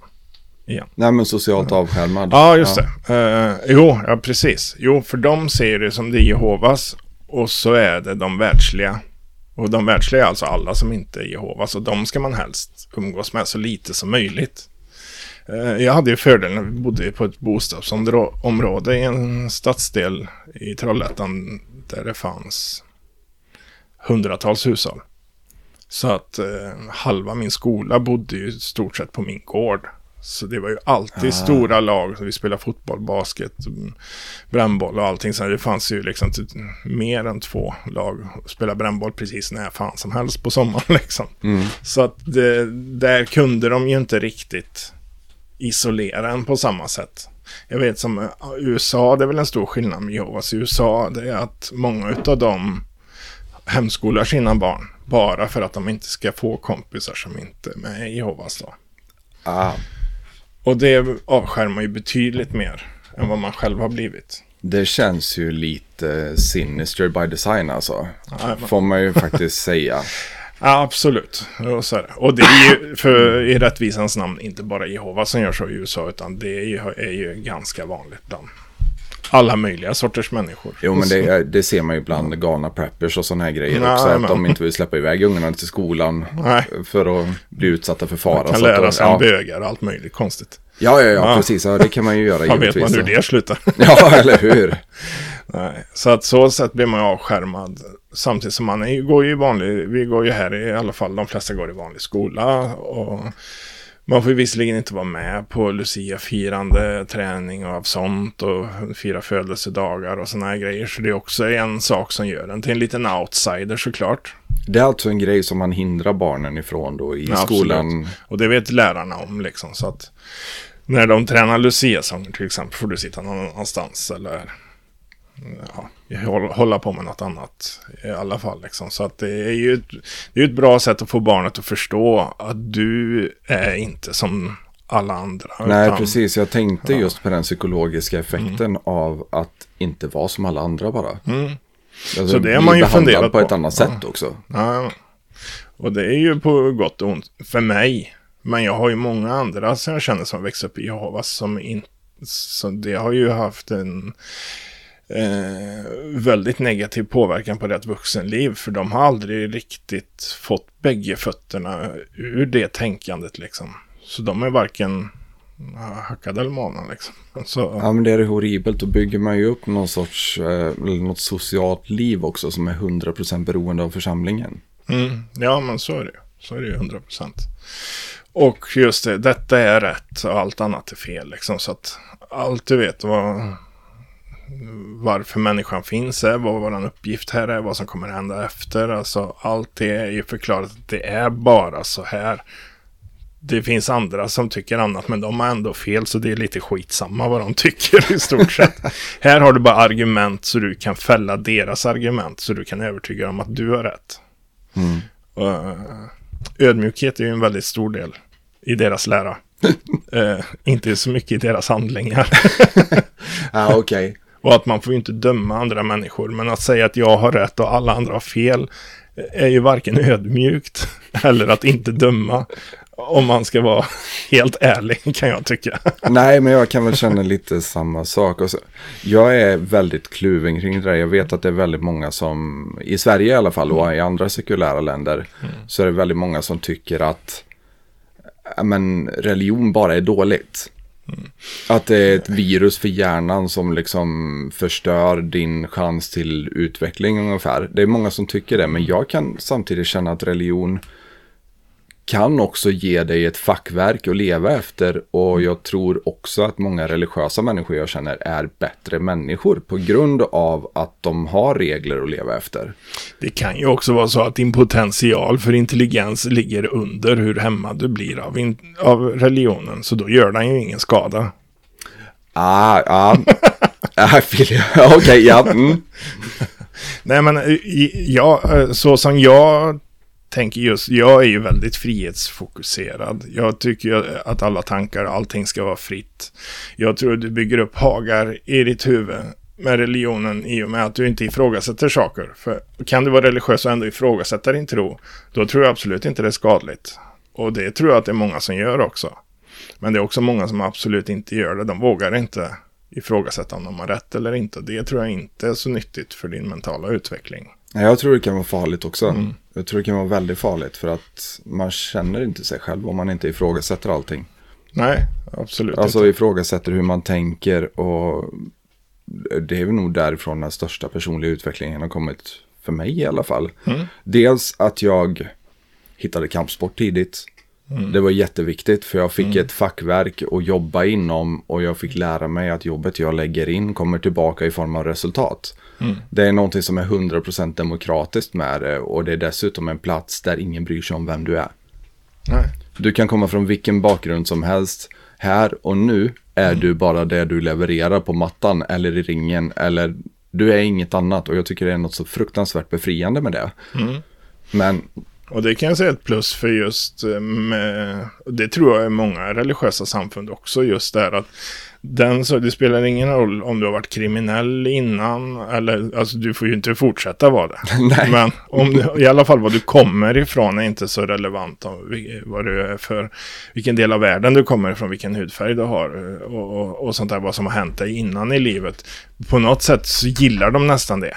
Ju mer fuckad du var innan, desto mer fantastiska är ju de som har ändrat dig liksom. Ja, men visst. Och det, jag kan, nu låter det ju sinister det också, men jag kan samtidigt se en viss eh, altruism i det där också, att man vill, man ser någon som man enligt sig själv tycker är på glid då i alla fall, och som inte klarar livet så bra. Och så vill man erbjuda dem ett bättre alternativ. Och det jag tror att det finns många som faktiskt är så pass altruistiska så att de tänker det. Men många går gärna dit att de bara ser det som bra eller dåligt. Det finns liksom ingen gråzon emellan. Nej, det är ont om sådana. I, alla fall inom Jovas. Det, det, det finns inga gråzoner utan det är rätt eller fel. De kallar ju sin egen lära för sanningen. Ja, ja. Det är Mm. ju väldigt ödmjukt. Ja, det- jo visst. Sen så är det så här. Då ska vi bortse från kvinnor då. För att de ska ju enbart hålla käften Ja, okej, ja. Mm. inom Jehovas. Ja. Eh, det är väl kanske lite överdrivet. Men de får ju inte hålla tal. Okej. De får inte stå vid podiumet och hålla ett vanligt tal, utan de få gånger som kvinnor kommer upp så sitter de ju vid ett litet bord som de har fika lite och köta med varandra. Och låtsas att de uh, träffar någon när de är ute och knackar dörr, typ. Det är ju kvinnornas roll i Aha. att prata från scen, eller man ska säga. Så det finns ett så pass eh, hierarkiskt system Ja, med hur, okej. De får ju inte bli äldst, eh, de får inte ha något att säga till om i församlingen. Sen fyller de ju andra funktioner såklart. Och de är ju inte utöver det speciellt taskiga mot kvinnan. Men de bestäm- är, mannen är ju den som bestämmer i familjen. Och, alltså, så det är ju väldigt gammalmodigt kan man ju tycka nu 2024. Ja, precis. Jajamän. Eh, och vem vet, det kanske förändras med tiden också. Men det, det är ju ändå grundat på Bibeln och den är ju lite gammal.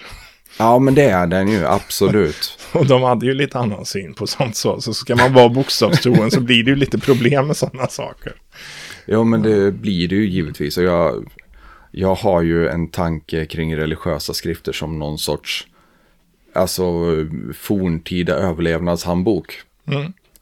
Och jag tror ju att det är därifrån många av de här eh, förbuden kommer också. Att du, för det står ju faktiskt i Bibeln också att man inte får vidröra några rester av en död gris.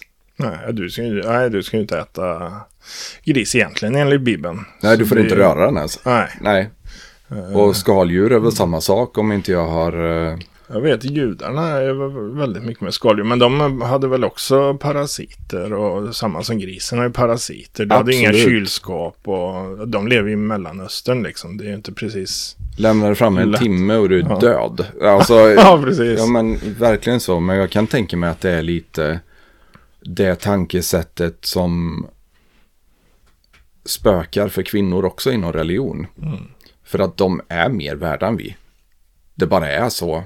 Och det är mycket bättre om de är hemma och inte är ute och utsätter sig för fara. För det är ju de som ska se till så att släktet går vidare. Ja, ja, det behövs Vi ju inte män- speciellt många män. Nej, vi är ju utbytbara på ett helt annat sätt. Jajamän.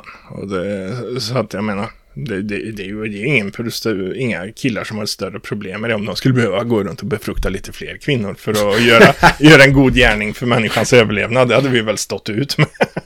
Jag känner några som lever på det nu. Så, jo, absolut. Men alltså livet som barn där i församlingen, det, det låter som att det är väldigt isolerat i alla fall. Ja, det, det var det. Det är ju det att det är ju ganska mycket eh, tid också. För att har du skolan, du slutar två, tre, fyra. Sen ska du hem och många gånger så är det på tisdag, torsdag, söndag var det i alla fall möten. Och det är ett par timmar. Ja. Så att det finns väldigt lite tid däremellan. Du hinner hem, göra någonting. Många föräldrar vill ju också att du ska förbereda dig för de här mötena.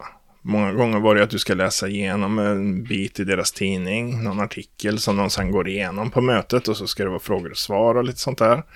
Så det ska man vara förberedd på och sen ska de ju gå ut och knacka dörr. och ha de här mötena som är innan man knackar dörr. Och sen så ska man ha personliga studier, eller som när du är barn då, att kanske din, dina föräldrar går igenom. Brukar ta olika av deras publikationer som man läser delvis tillsammans och diskuterar så att man riktigt fattar. Eh, så att det, det är ju tidsmässigt blir man ju isolerad. Även om jag levde nära många av mina vänner som inte var Jehovas. Så blir tiden att vara med andra ganska begränsad i och med detta då. Ja, men det... Martin Luther King pratade ju om det där också, att eh, det svarta communityt behöver jobba på att hålla sina ungar i kyrkan. Mm. För att det tar tid från dem helt enkelt och det ger dem mindre tid att hänga ut och ställa till med trubbel.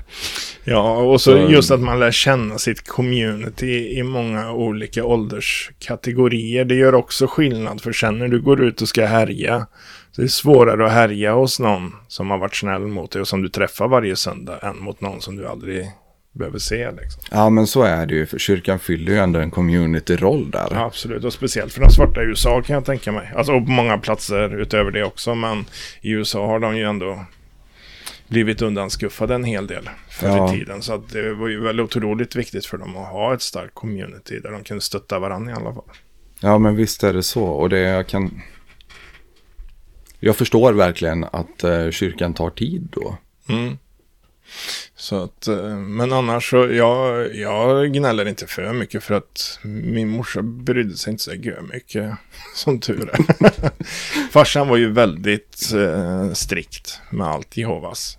Eh, morsan var väl inte lika hängiven till att, att se till att allt efterföljdes. Eller rättare sagt, om vi höll oss i vägen så hon fick vara i fred så tyckte hon att det var rätt gött. Ofta. Man käkar frukost på morgonen, på sommaren liksom. Man har sommarlov. Käkar frukost, sen var man ju ute tills det blev mörkt typ. Ja, men så det... jag härjar ju med allt möjligt såklart. och det var väl tur för mig. Ja, visst. Nej, för det, men då gick du ändå igenom det här. Du kom till dopet i alla fall. Ja, jag gjorde det. Det, det var väl lite mer att det, jag visste ju att det förväntades av mig. Jag måste bara fota ja. Buddha. Ifall ni hör någonting i bakgrunden så är det bara Buddhas kvällsrutin. Alltså det är lite smaskande, det är lite bäddande, lite allt möjligt.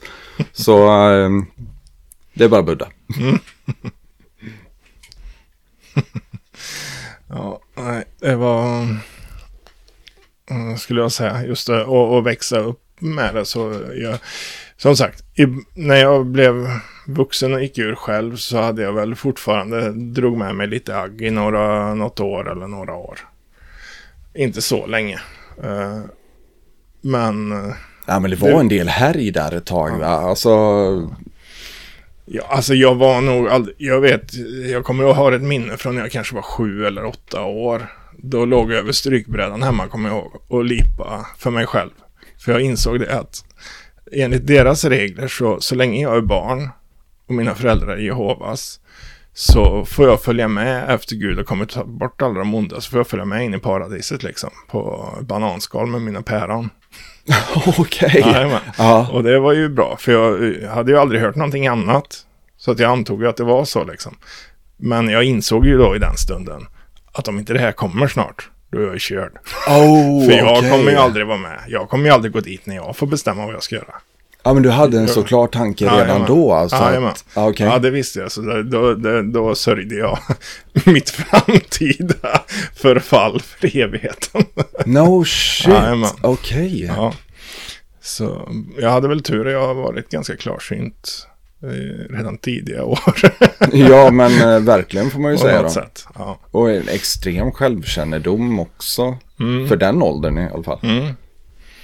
Jo, jo absolut. Ja, det var jag hundra procent säker på. att jag, jag har nog aldrig velat hålla på med saker som jag tycker är tråkigt. Jag vill ha saker som jag tycker är roligt. Herre jävlar. Ja, men det är, det är ju jättestarkt också att bestämma sig där att nej, men det här kommer inte jag hålla på med när jag inte måste. så det var lite konstigt att jag ändå döpte mig. Men jag visste att det förväntades av mig och alla mina kompisar vid det laget hade gjort det. Och det är väl lite det.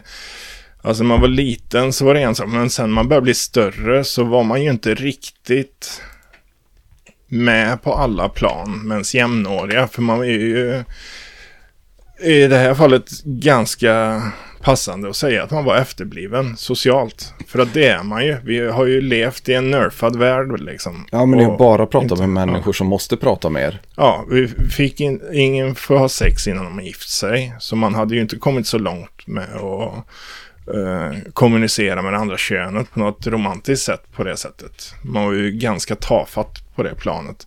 Däremot var ju alla andra Jehovas det också, så vi åkte ju runt mycket inom andra församlingar. Många spelade innebandy och sådär, så vi åkte runt och spelade innebandy på diverse håll.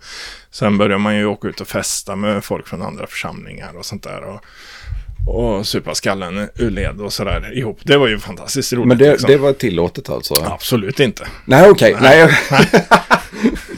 Utan det är något som ungdomarna gör för att rebella då? Eller? Eh, vissa i alla fall. Ja. Men det blir ju fler och fler för att det, ja, det håller inte riktigt. Det är en sak om man är vuxen och bestämmer sig för att detta är vad jag vill göra med mitt liv.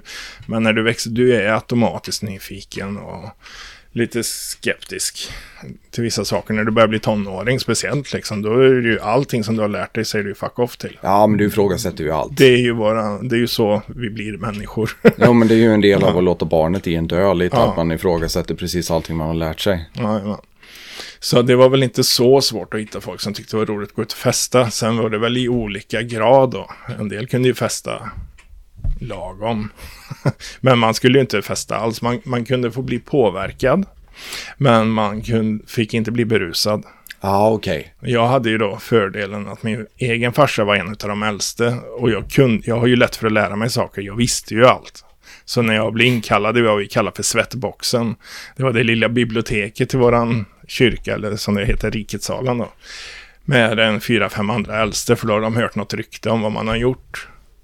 Och då... No shit, Ja, blir man intagen på förhör då? Jajamän. alltså?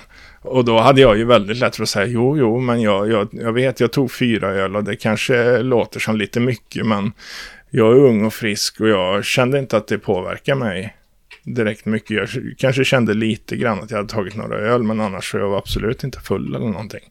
Nej, nej, det var ju bra att höra. Ja, Och men då- alltså, det, jag blir lite... Då har man ju simmat i sina egna spyor efter man blivit utslagen från krogen liksom. Det- Nej, men jag är lite mindblown eh, bara över att eh, det finns en sån struktur. Liksom. Inte bara att föräldrarna Mm. förväntas korrigera en, utan du får dessutom sitta då framför... Eh, är det ett Ja, äldsteråd mer eller mindre Ja, då, och förklara ditt beteende? jajamän. Jesus, det är ju hög press för ett barn alltså. Ja, verkligen. Även om man då kanske var 17. Eh, ja, runt där. 16, 17. 18, jag kommer inte ihåg riktigt eh, hur gammal jag var. Men det är ju runt där. Och det var ju många som har blivit inkallade och så.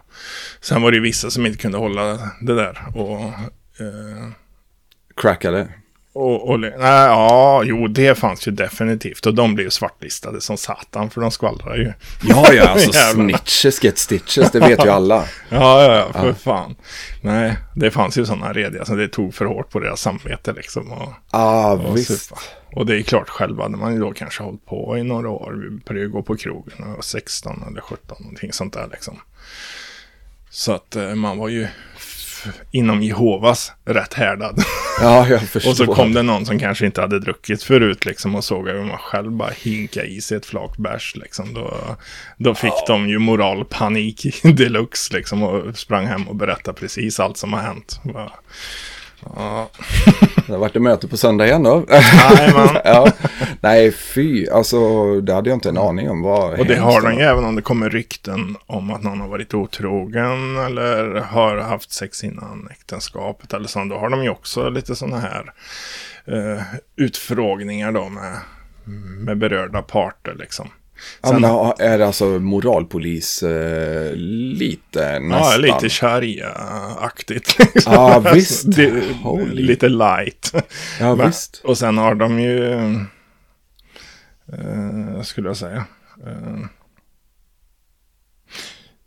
jo, det, de, har, de följer ju den, den bibliska juridiken till viss del också. Och där, det står väl, jag tror det är i gamla testamentet till och med, att det måste finnas två vittnen för att styrka en händelse och leda till en uteslutning till exempel. Och det är också väldigt svårt då. Det var ju bra att man valde att luta sig på den istället för att Ja. du ska stena din son till döds vid stadens port andra gången han säger emot dig. Nackdelen med det, det är dock att det, de har ju också haft lite pedofilanklagelser, speciellt i USA tror jag. Där det har varit väldigt många som har kommit fram på senare år och, och sagt det. Och då är det ju samma där, då är det en vuxen och ett barn. Det finns inga vittnen.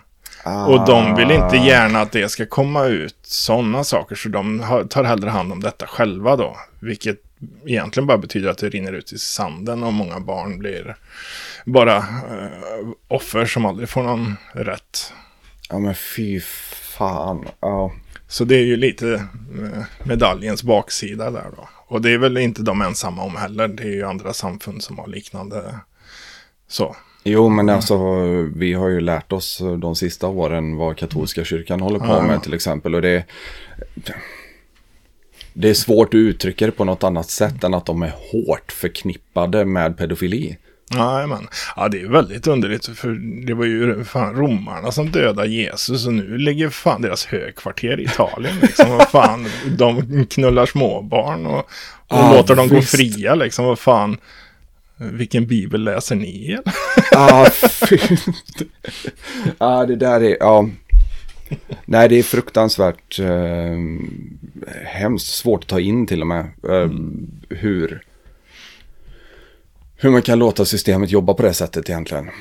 Ja, och att det lyckas tysta ner under så lång tid också är ju konstigt. För jag, vi är ju båda föräldrar liksom.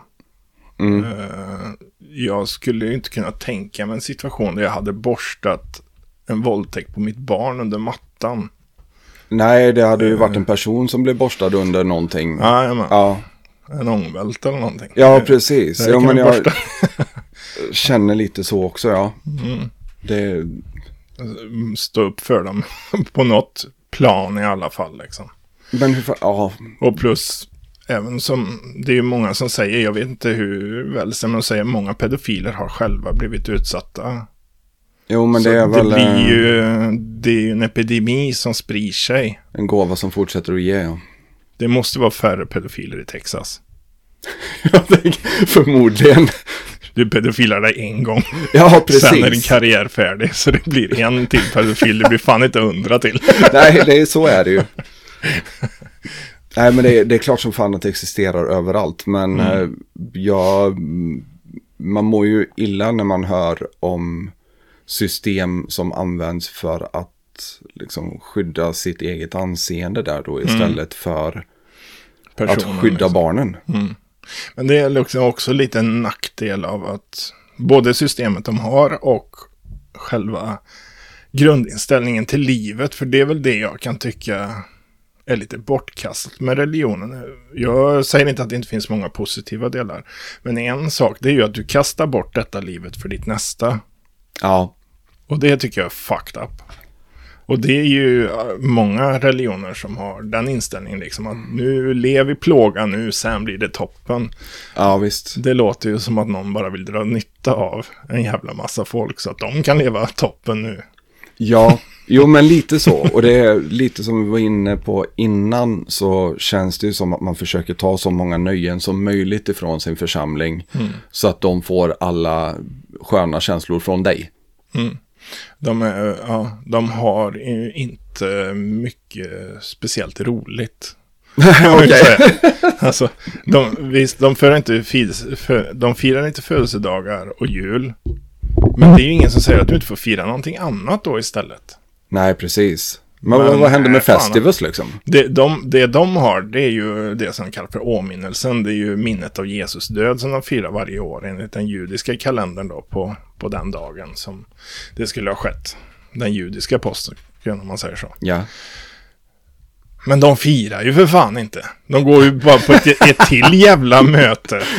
Där de skickar runt oblater som ingen käkar. För att de ska ju till paradiset. De enda som ska käka oblater är de som ska till himmelriket. Och det är, det är enligt de 144 000 då. Genom Ah, alla okej. tider. Så han ska bara upp och hjälpa Oh. Gud och, och styra. För han är allsmäktig. Man behöver tydligen 144 000 människors hjälp. Ja, jag ja. vet inte riktigt hur det fungerar. Men. Oh shit, alltså så det är uppdelat i två till och med. Ja, och de flesta församlingar har ju ingen då. För jag menar, det här har ju hållit på sedan slutet på 1800-talet. Så det är ju snart 150 år de har funnits till. Så att det är ju tusen pers per år i nu. Ja, så att ja, det, matten börjar väl bli lite svår att få ihop. De hade nog inte tänkt att det skulle hålla på så här länge från första början. Utan de är ju väldigt mycket en domedagssekt på det sättet att de börjar ju, de trodde ju, de har ju räknat ut en massa grejer i Bibeln som blir en liten, deras tideräkning som någon säger. Så, från en profetia som står i Bibeln så har de följt olika event genom historien och kommit fram till årtalet 1914. Ah, Där har ni fått Då kommer det hända någonting. Det visste de ju innan. Alltså, det händer ju något varje år. Men det var ju ett världskrig dessutom. ja alltså som den, började. Så den att- kickade ju hårt, det gjorde den ju. Ja, det var väl, hade inte det hänt så hade det kanske runnit ut lite grann i sanden med Jehovas. Men eh, i och med att det började det året då, så har, fick du ju verkligen eh, eld på, på liksom hur rätt de tror att de har. Alltså vi kallade ju det kriget för den stora köttkvarnen. Mm. Ja, det var ju supermysigt krig. Ja men verkligen alltså, nej, eh, historien därifrån. Alltså det finns ju historier på, som pekar på en extraordinärt mänsklig upplevelse där människor liksom har snöbollskrig och spelar fotboll över jul för att de är trötta på att skjuta på varandra. Och sen går tillbaka till att skjuta på varandra för att vi kan, vi kan väl ha det trevligt en dag i alla fall. Tog de inte en paus för att döda varg också? Jo, det gjorde de För i att de dödade så många soldater. De Jajamän. var tvungna att ta en paus och hjälpa åt att jaga varg. Så de Absolut. kan fortsätta döda varandra igen. Ja, ja, ja. Då var det alltså värre, värre än att dö av, långsamt av en kul. var att Ah. att bli ihjälsliten av vargar. Ja, visst. Är det fy fan. Det, Det är det inte finns toppen alltså. Så många sjuka historier från det kriget och Mm. det finns också hemska bilder på folk som har kommit tillbaka från Mm. det och det finns väl till och med några filmer har jag för mig när man upptäckte det här med källchock och grejer. Mm, Som folk för övrigt blev avrättade för. Eh, Alltså PTSD. Mm. Alltså de blev avrättade för att de var fegisar och flydde från striden. Och det Mm. var ju... Det var ju givetvis ett eh, krigsbrott då. Mm. Och det blev det ju bara avrättad på plats för. Mm. Ja men tänk om de mesarna hade åkt hem och skaffat barn och få... Ja, Fan, Det hade precis. gått åt helvete. Ja, eller hur? Nej, men det är så jävla tragiskt. Det finns så många tragiska historier från det här kriget. Mm, ja. Och köttkvarnen som det var. Alltså vi, vi är skyldiga oss själva att läsa på om första Mm. världskriget. Det är vi verkligen. Jajamän. Jo, trots alla saker som hände i andra världskriget så första världskriget var så jävla grisakrig alltså. Ja, ja, men det var, jag förstår domedagskopplingen. Mm. Jag gör verkligen det. Så att det är klart, det tog, fast tanken enligt dem var nog att då skulle slutet komma. Och du Ja. kan ju tänka dig när kriget börj- började att de trodde som fan på att nu är det här liksom. Ja, ja, det hade ju alla köpt. För det finns ju en massa tecken då på att man ska veta att nu är det snart dags. Aha. Så, och det är ju typ att massa krig och det ska ju hända, det är ju farsoter och sjukdomar och det, det, det ena och det andra. Vart kommer det här ifrån att judarna återvänder till det heliga landet? För det är, det är väl någon profetia som har pratats om också. Att det är ett tecken på att världen ska ta slut. Ah, okej. Ehm, det tror jag inte de har hängt upp sig på direkt i alla fall. Nej. Så vitt jag vet. Nu ska man ju ha en liten disclaimer att jag har ju inte varit med på 25 år eller vad fan. Ja, ja, ja, 26, precis. Ja, mer än så. Så att vad som har hänt sedan dess har jag ju inte stenkoll på. Nej, man, nej. man hör ju någon fågel viska någonting ibland när det är något extremt. Men det, det, det är just det med tideräkningen. De trodde det skulle vara slut 1914. Sen så var det ju inte det. Så då fick de ju tänka om. Så då var det lite mer att jag vet inte, på något sätt kom det fram till 1975 sen. Så där var och då var ju folk rätt, det var ju mitt i hippierörelsen och allting det här också ja, liksom. Så då var ju folk bara far out, liksom fan ta banklån och grejer. Slutet kom ju ändå, fan nu ska vi bara gotta oss på slutet liksom. Och sen kom 1976 och bara fuck. så det var nog ganska många. Och det har de försökt tysta ner lite grann. Att bara, ja, vi, vi sa aldrig att det skulle komma. Det var vissa som trodde det. Vi sa bara att det var någonting. Men inte slutet liksom. Är det lite Trump över det där? Ja, I never said that. And if I said that, then uh, I probably didn't mean it. No, I didn't. No, I'm the greatest ever. Ja, exakt så.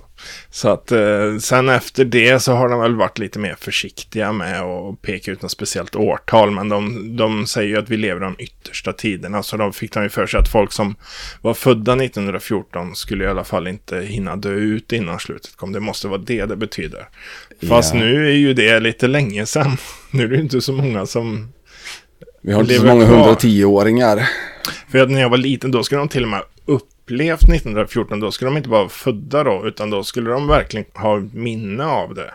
Så det Oj. var väl för att inte putta det för långt in i framtiden. För då skulle folk inte bli så seriösa. Det bygger ju på att vi lever i de sista dagarna här nu innan Gud kommer. Det, och det, det är inte så lätt att bara putta det framåt hela tiden och fortfarande ha trovärdigheten kvar. Så att Nej, den är svår. Ja, så att det gör nog att många som växer upp i det kanske tar det på mindre och mindre allvar ju längre tiden går. Men de är trots allt fler mm, än någonsin nu. Tror Ja, jag. men det är en växande religion. Flera miljoner i alla fall. Det är, jag vet inte om de är fyra eller något Ja, sånt där okej. minst. Så ja, det finns ju folk som anammar det i alla fall. Ja, men absolut. Ska vi riva av plåstret och prata om eh, när du bestämde dig för att lämna?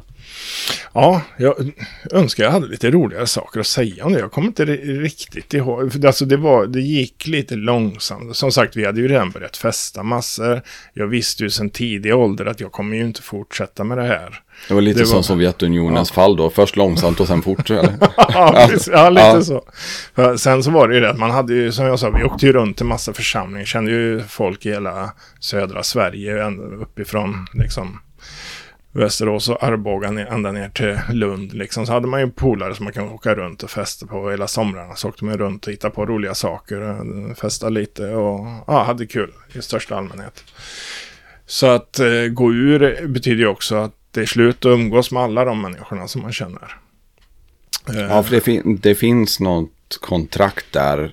Ja, är du utesluten eller har gått ur, då, då är du en del av världen igen. Ja, Och det är ju ännu värre någon som har varit med och gått ur då. Så att eh, de ska ju absolut inte ha någonting med dem att göra. Ja, för då vet man sanningen och väljer ändå. Ja, mm. För, och då, då, då, då blir det ju direkt hot liksom. Du, jag kan ju dra med mig fler. ja. ut liksom. Och det, så det är ju det. Det är ju bara ett försvarssystem från deras sida. Eh, så, men ja, det var väl det. Jag började jobba som bagare. Eh, och så att det blev ju inte riktigt lika mycket att åka runt liksom. Utan man började ju få nya vänner liksom. Det hade man ju redan efter att ha festat mycket ute i stan. Så jag har ju alltid haft lätt för att lära känna folk. Så jag har känt mängder av folk i den här stan liksom. Och gått ut och hejat på folk hela, hela dagarna liksom. Så att jag var aldrig så isolerad i den åldern i alla fall. Att jag kände att det här blir jättesvårt att ta mig ur. För då känner jag ingen. Så var det inte för mig personligen i alla fall. Utan jag hade börjat nytt jobb, jag hade nya kompisar, jag hade saker att göra på dagarna. Och jag hade väl även träffat sonens mamma lite lätt sådär. Men jag hade, jag hade inte gjort någonting sexuellt än liksom. För att jag är väldigt så här principfast liksom. Ni säger att jag inte får och jag tänker inte bli utslängd för att jag gör något som jag inte får. Utan jag tänker gå ut och sen tänker jag göra det så inåt helvete. ja, jag förstår. Ja, för ni kan säga vad fan ni vill, men jag gick inte ut för att jag var för svag för att följa era regler. Utan jag gillar inte eran skit, jag går ur och sen gör jag vad fan jag vill. Men du följde alltså till punkt och pricka tills det var dags? Ja, i stort sett. Alltså, vi, nej, vi söp ju och grejer som man Ja, inte ja, ja. skulle. Ja, och, lite och så, ja. sådär. Men jag tror jag svor ju aldrig och sådana här saker. För det var man ju upplärd med att inte göra. Så det var liksom ingen del av min vok- vokabulär förrän jag kanske var 30 eller någonting. Där har du gjort ett jobb måste jag säga. Alltså du kan måla eh, med ditt språk på ett sätt som väldigt få människor kan. Så att bra jobbat min vän, får vi säga där. Ja, jag jobbade i Smögen som bagare och då jobbade jag så här 14 timmars nätter och jobbade med en borstbindare liksom. Han kunde inte säga två ord utan att det skulle komma en svordom sen liksom. Ja, men det är helt otroligt. Och jag tycker det är ett vackert sätt att uttrycka sitt språk på och använda kraftuttryck liksom. Så att, eh, Jo, men jag vet bara inte varför. Det är aldrig, jag, ja, jag, man är ju van sig att prata på ett annat sätt liksom. Jo, men folk pratar om det där att man svär så begränsar man sin vokabulär genom att... Men, Bullshit. ja, men jag känner det också. Alltså, någon gång så kommer du ju lära dig så pass mycket så att du måste utöka det med svordomar. Ja, men alltså svordomen är ju inte ett förklarande ord. Det, är ju nå- eller det förklarar ju känslan i vad du säger. På ett sätt. Det är ju inte... Visst, det beror på hur man säger. Nu Ja, vaknar ju finnen i mig lite. Alltså, Berkele måste ju vara okej, eller? Det är ju inte en svordom, det är ju kraftuttryck. Ta för helvete den jävla grejen och sätt till den andra jävla grejen. Ja, då har du en begränsad vokabulär för den jävla grejen heter ju någonting. Ja, ja, så är det ju. ta den jävla hinken och ställ den i jävla förrådet. Då har jag inte begränsad vokabulär för jag har bara lagt till två ord. Jajamän, du har ju faktiskt utökat Ja, eh, jajamän. minimumkravet på konversation där. Och jag har även förklarat att du inte bara att du ska ta hinken till förrådet utan du är något du borde ha fattat innan jag sa det. Ditt jävla att Den jävla hinken ska fan in i det jävla skåpet. Ja, precis. Nej, men det, jag får erkänna att du är, du är duktig på att måla med ditt språk alltså. Och svordomar är i allra högsta grad en del av det. ja, absolut. Men, Och det är eh, bara ljud. Ja, ja, det här är ju absolut. Eh, vibrerande luft brukar jag säga. Ja. Mm. Och det är vi, vi gör dem för att någon annan, som vi sa förut, mina känslor ska ta sig in i din skalle liksom. Ja, men absolut. Om jag lyckas så har jag kommunicerat på ett bra sätt. Allt annat är ointressant. Det finns de som kan ha en jävla vokabulär men ändå inte kan göra sig förstådda för de använder ord som går över huvudet på folk. De är Jajamän. extremt dåliga på att kommunicera. Ja, det är dålig kommunikation. Ja, ja. Det får jag verkligen säga.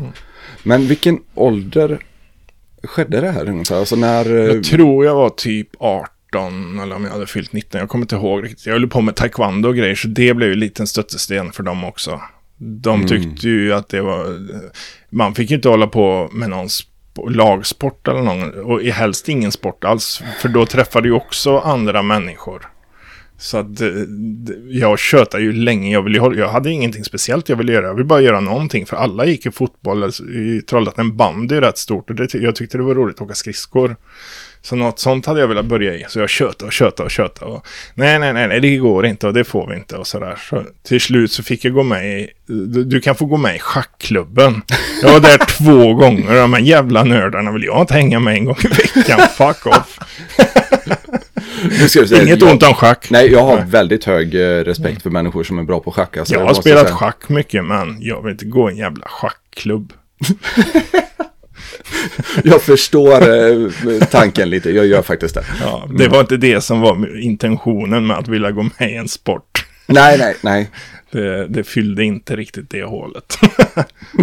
Nej, men det är väl som man säger. Alltså, jag kan vara fascinerad av fysik, men jag är inte säker på att jag vill hänga med fysiker. nej, nej, kanske inte. Inte under någon sorts tvång eller sånt jävla tröstpris i alla fall när du vill göra något annat. Nej. Nej, precis. Men Nej, det hamnade i taekwondo också. Ja, jajamän. Det var när jag började jobba på bageriet så var det en som höll på med taekwondo. Och jag tränade på det gymmet också där taekwondon var. Så att då blev det rätt naturligt att jag gick och tränade och så hakade jag på taekwondon lite. Ser ni freaks, vi lyckades få in kampsport i det här Nej. avsnittet också. My man. Ja, men det var ju väldigt kul att få sparka folk. Ja, men självklart. Och det är ju någonting som man absolut inte fick eh, ägna sig åt, då, antar jag. Nej, absolut inte. Eh, De är ju pacifister, de gör ju inte militärtjänsten och sånt. Så förr satt de ju fängslade någon månad när de vägrade militärtjänsten och sånt. Så okej. Det finns ju historier. Jag mönstrar ju, eh, men vi har ju automatisk frisedel, vi som var Jehovas då. Okej. Så jag gjorde ju mitt bästa, jag tränade ju som fan på den tiden. Så att jag fick ju maxa ju allt. Han sa du får bli vad fan du vill, vad är du sugen på? Oh, ja, jag har alltid varit sugen på att bli fallskärmsjägare eller någonting sånt där. Men jag, men, jag är ju Jehovas så jag ska inte göra militärtjänsten. Han bara okej, kan du fan gå. Ja, ja, ja, Han, han, han var lite sur. ja, men jag förstår det lite. Alltså, det känns ju lite som bortslösa potential från hans håll, Ja. givetvis. Men jag hade inte bett om att få komma dit heller, så jag tycker jag får jävla lite tillbaka. Ja, ja, så var det ju. När vi växte upp så var det ju fortfarande tvång att göra det. Jag vet inte om det är, det är väl allmän Värnplikt det har nu gått igen, lite fram och tillbaka, men jag hörde något om att det var det. Det är ju löjligt, vad fan ska vi göra? Alltså, Ja, men jag tycker samtidigt det är Nej, bra. Nej, men jag tycker inte- inte när det är tvång. Jag är emot, jag är emot allt sånt. Jag är emot, för frihet. Men alla ska få göra det om de vill, tycker jag. Och informera så mycket som möjligt. Ta dit alla. För speciellt folk som är äldre än mig. De kan ju inte gå 14 dagar utan att dra en lumparhistoria liksom. Nej, nej. Så jag tvivlar inte alls på att det kan vara skitkul att göra lumpen för många. Och så ta in dem, informera alla ungdomar att för fan, det... gör det. Det är en bra du, du lär dig saker, du kommer in i arbetslivet på ett helt annat sätt när du har lärt dig samarbeta med folk, göra saker som är jobbiga och, och allt det här. Så det är massa bra sätt. Sen tror jag att du kan få det på andra sätt. Ja, absolut. Alltså, jag som inte fick göra lumpen har ju letat upp eh, besvärligt liv på annat håll. Ja, det är ju Så samma att- här. Ja, absolut. Nej, men eh, så det finns andra sätt att göra det på. Men jag kan samtidigt tycka att eh, integration är ett laddat ord idag. Hur fan det nu har blivit det. Men integration behöver inte nödvändigtvis handla om eh, någon som eh, kommer utifrån Sverige. Utan jag kan tycka att många av ungdomarna har haft svårt att integrera sig i samhället överhuvudtaget genom alla tider. Och där tänker jag nu. att värnplikten kan vara ett bra verktyg för det. För att du blir inkastad i ett rum med eh, x antal människor som du inte ens känner. Eh, ni får samma frisyr allihopa, ni får samma kläder allihopa. Ert ursprung tas liksom bort och nu ska ni lära er att samarbeta. Du får ju också lära dig åtminstone en sak ganska bra. Ofta. Ja, ja. Är ju, på något sätt är det lite av ett yrke du får. Många lär sig att köra lastbil eller de kör reparera saker eller vad fan. Du har i alla fall en liten grund som kan vara bra för arbetslivet sen tror jag. För, speciellt nu för tiden. Och många ungar som kan sitta still i skolan eller kolla på sin skärm. Och det är deras största styrkor i livet liksom. Men det är ju inget jobb för de flesta. Nej, men jag kan tycka att en, det, kan vara en del av samhällskontraktet att du åtminstone blir intagen för mönstring då som sagt och får din eh, lämplighet avgjord där. Och är det så att du bedöms lämplig och att din kompetens behövs inom försvaret så tycker jag också att det borde vara en skyldighet. Jag, vet, jag har landat i det de sista åren. Men Jag kan köpa att folk har den inställningen. Jag tycker så här, jag tycker ni, de som sitter och bestämmer det har lite att bevisa för mig först innan jag tycker att de har rätt att kräva det av mig först. Jo, men absolut. Jag förstår vad du menar också, men ehm, jag vet inte hur jag ska uttrycka det riktigt. Det känns som att försvaret har blivit en egen entitet i mitt huvud i alla fall, som är särko- eller frånkopplat från vår politik, vilket så är ju givetvis inte fallet Nej. överhuvudtaget. Men eh, jag tycker ändå att försvaret eh, är bra jävla mycket mer än ett särintresse och det är någonting som vi borde värna om och jag tycker att deras behov borde gå före resten av landets behov nästan. I många fall. Ja. Jag tänker när jag ser ett jävla plan på himlen, fan nu åker mina skattepengar till helvete. Jo, men det är... Ja, samtidigt skulle jag tycka att det är fan med ett av de bästa bruken av mina skattepengar som görs. Alltså, ge alla eh, jävla Kalashnikov bara så vi kan gräva ner det på baksidan och så händer det någonting så får de ett helvete att ta över oss. jo, men jag tänker lite på det också som den här japanska generalen påstås ha sagt att alltså invadera fastlandet i USA. Det Ah. hade ju varit ett gevär bakom varje grässtrå menar Ja, han på. menar Ja, det. Det är ju ändå gerillakrigen som är de jobbigaste liksom. De är hemska. Speciellt om folk har, känner de att de har det förtroendet från de folkvalda då. Att de faktiskt, händer det någonting så har du redan vapen och ammunition så du kan försvara din egen jävla plätt. Vi kommer inte skicka dig någon annanstans. Samarbeta med dina vänner, dina nära och kära. Se till att ingen kommer att ta över vårt jävla land. Det, den patriotismen kan jag köpa. Men att stå upp för de här som sitter och har sandlåda uppe i Rosenbad.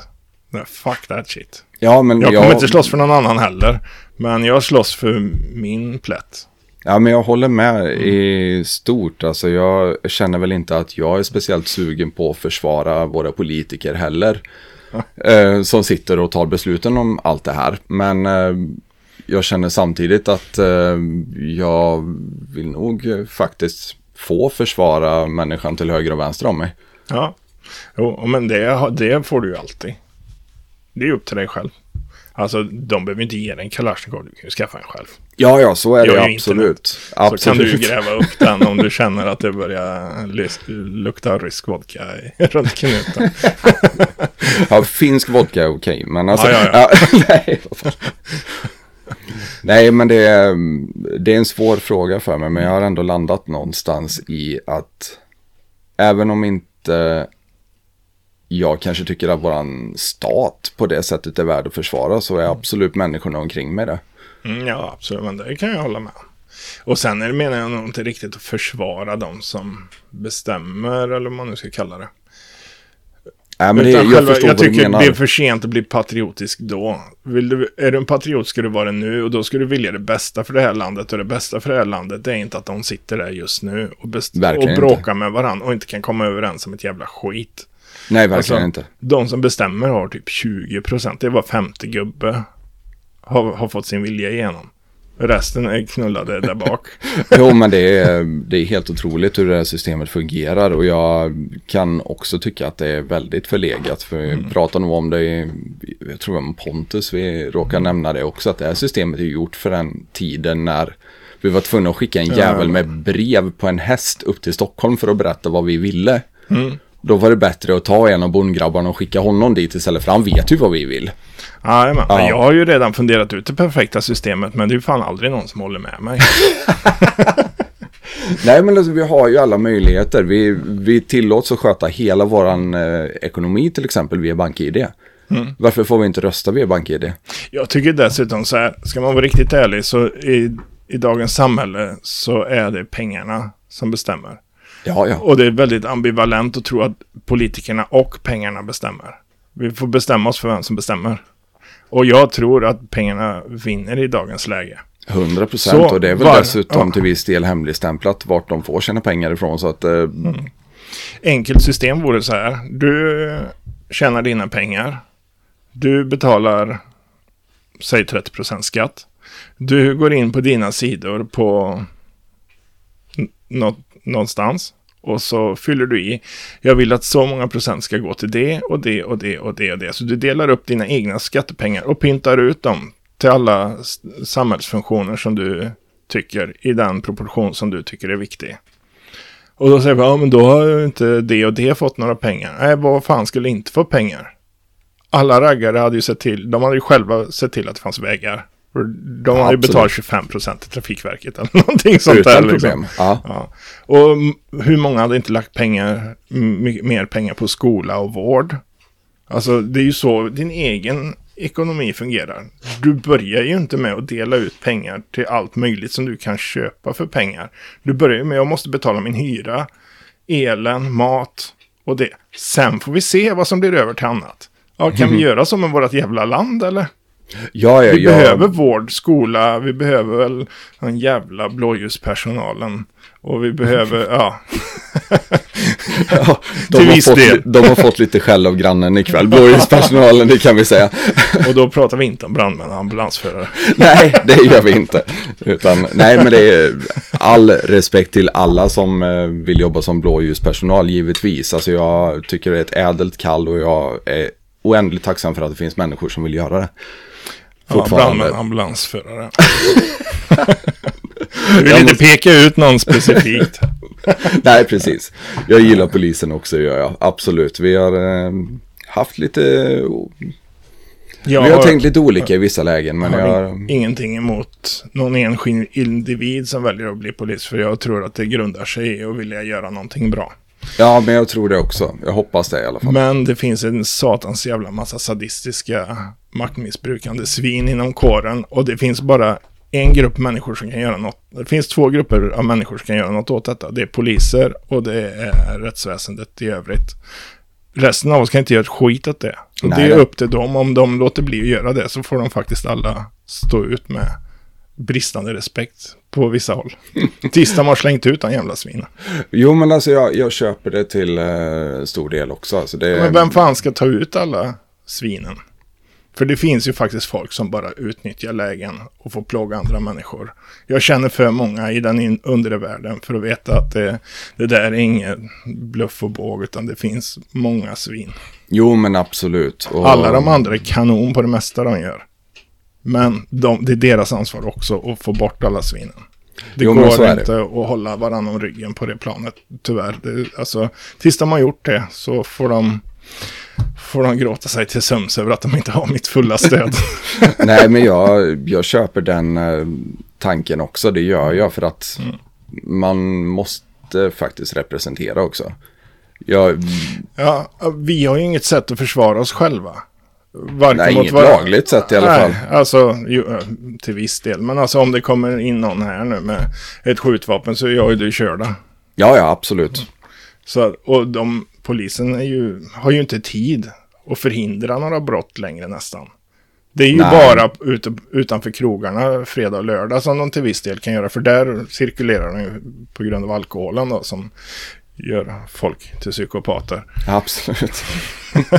Men i övrigt så är det mer att de haffar folk efter de har gjort brott. Och det är ju inget skydd för mig att veta att jag blir hämnad. Och Fan, det skiter jag fullständigt i. Absolut. Se till att det inte händer, det är bra. Visst, de som sitter i fängelse kan inte skada mig just nu. Men det är lite tunt. Jo, men jag känner det också att alla måste ju på något vis återanpassas. Mm. Och Ja. det, de kommer ju ut någon gång. I Sverige kommer man ut någon Ja, gång. ja, eh, för fan. för De det flesta. mesta. Ja, de flesta kommer ut någon gång. Det, och och då, jag tycker också, det finns vissa som det blir väldigt svårt att försöka anpassa dem. Ja, det finns vissa, men det är ju inte någon stor procent. De flesta som sitter, de har ju halkat in lite fel. Eller rätt, eller vad fan. Det beror på vad de har brutit för jävla lag. ja, så kan det vara. Absolut. Men jag menar, om dina barn börjar bete sig dåligt, skulle du stänga in dem med massa andra barn som beter sig jävligt illa för att de ska lära sig att sluta bete sig illa? Eller hade du försökt sätta dem med lite barn som beter sig bättre för att få bättre förebilder så att de kan fortsätta sitt liv som bättre människor? Ja, det, är- det är en riktig jävla no-brainer. Absolut. Och så hade det ju givetvis funkat ifall vi var 150 människor. Eller om vi var 50 människor. Det Eller, spelar ju ingen roll. Alltså antalet kriminella per capita är ju samma liksom. jo, men vi hade nog hanterat annorlunda. Vi hade nog, och vi gjorde nog det när vi var färre såklart. Fast of, vi var väl också grymmare då. Det var ju ett sätt att få dem att sluta och vara svin. Det Ja, ja. Döda dem. Ja, ja, absolut. Absolut. Och ett väldigt effektivt sätt också på det, får man ju säga. Men om vi ska återgå lite, alltså utträdet, hur funkade det? Hur, alltså för oss som inte fattar hur... Det är faktiskt inte speciellt dramatiskt. Utan eh, jag sa egentligen bara till någon av de äldsta att jag vill inte vara kvar i församlingen längre. Jag vill gå ut. Och då... Um, kommer inte ihåg, jag för mig att de kanske kom och höll något lite. Bara kom hem till mig för att kolla om det verkligen var en åsikt som jag stod fast vid liksom och sådär. Och det var ju ganska uppenbart med att jag var liksom. Så, och, Blev ja. du upplyst om konsekvenserna? Och, Nej, det, är, det är alltid uppenbart för alla. Det är Ja, många okej. som blir uteslutna under ens uppväxt. Och de har ju varit dina vänner och sen helt plötsligt får du inte heja på dem längre. Oj, ja. Så jag vet att min barndomsvän Andreas eh, svåger var det väl. Han blev utesluten någon gång i, tror han var i 20-årsåldern och han hängde ju mycket. Jag träffade han ju mycket i och med att Andreas syster var tillsammans med honom liksom. Och, helt, och, så, och han var jävligt rolig. Jag var med han på praktik och sådana grejer för han var försäljare och sådär. Och helt plötsligt så var det bara, nej, nu ser du han så får du inte ens heja på honom längre liksom. Och då var det ju ändå en, en manlig förebild inom den här lilla kretsen som vi hade då, som inte var någon i familjen då liksom, som ändå var lite, för mig, positivt inflytande i alla fall. ja, men det är klart. Så, och det var nog den, som, den gången som, jag, som det tog mig lite mer. Annars är jag ganska lätt att gå vidare ändå liksom. Men det var ju en människa som jag tyckte om verkligen som blev utesluten och som Annars såg man ju andra som man inte hade i sitt liv mer än just på mötena. Det är ju lite skitsamma, för det vill jag ju inte vara från första början. Vad blir man utesluten för? Ofta är det otrohet. Eh, I hans fall var det nog inte det. Jag tror att han höll på med lite... Han eh, var nog lite fantasifull med skattebetalning. Och han, han har alltid varit lite fixad. Så. Ja, okej, så, Så det var lite jag, jag tror, jag är inte och- helt insatt i, i varför, men jag har för mig det var någonting sånt där, att han inte riktigt följde alla ekonomiska lagar till punkt och pricka. Ja, så ekonomisk brottslighet är någonting som inte accepteras då? Nej, du ska egentligen följa alla lagar liksom. Så. Okej. Eh, först och främst Guds lagar då. Men annars eh, kejsarens, som det står i Bibeln då. Ja, okej. Ja. Så det, det säger ju Jesus då, att du ska ge kejsaren det som är kejsarens liksom. Så du, du ska betala dina skatter. Du ska vara en god medborgare. Du ska vara ett föredöme för alla andra. I, i, liksom, folk ska bli imponerade över hur rediga alla är. Unto Så att de blir sugna med att gå med, liksom. Eller vad säger man? Ja, Ja. Ja, jävlar. Men, Så det var alltid en del. Så att när jag gick ur så hade jag ju inga eh, illusioner om att ja, det skulle fortsätta vara som vanligt ja okej. på något sätt. Men det gjorde ju ingenting för jag ville ju ändå därifrån. Men hur känns det, alltså hur såg din familj ut? Det har jag inte ens frågat, men hur känns det att klippa kontakten med dem? Eller? Eh, till en, då när jag gick ur, då var många som hade familjemedlemmar som gick ur. Det, det var ändå okej att umgås med dem. Eh, sådär. Det blir ju inte på samma sätt för man ses ju aldrig på möten och, och i, ut och knacka dörr, vilket är en stor del av deras liv. Så det blir ju automatiskt mindre kontakt.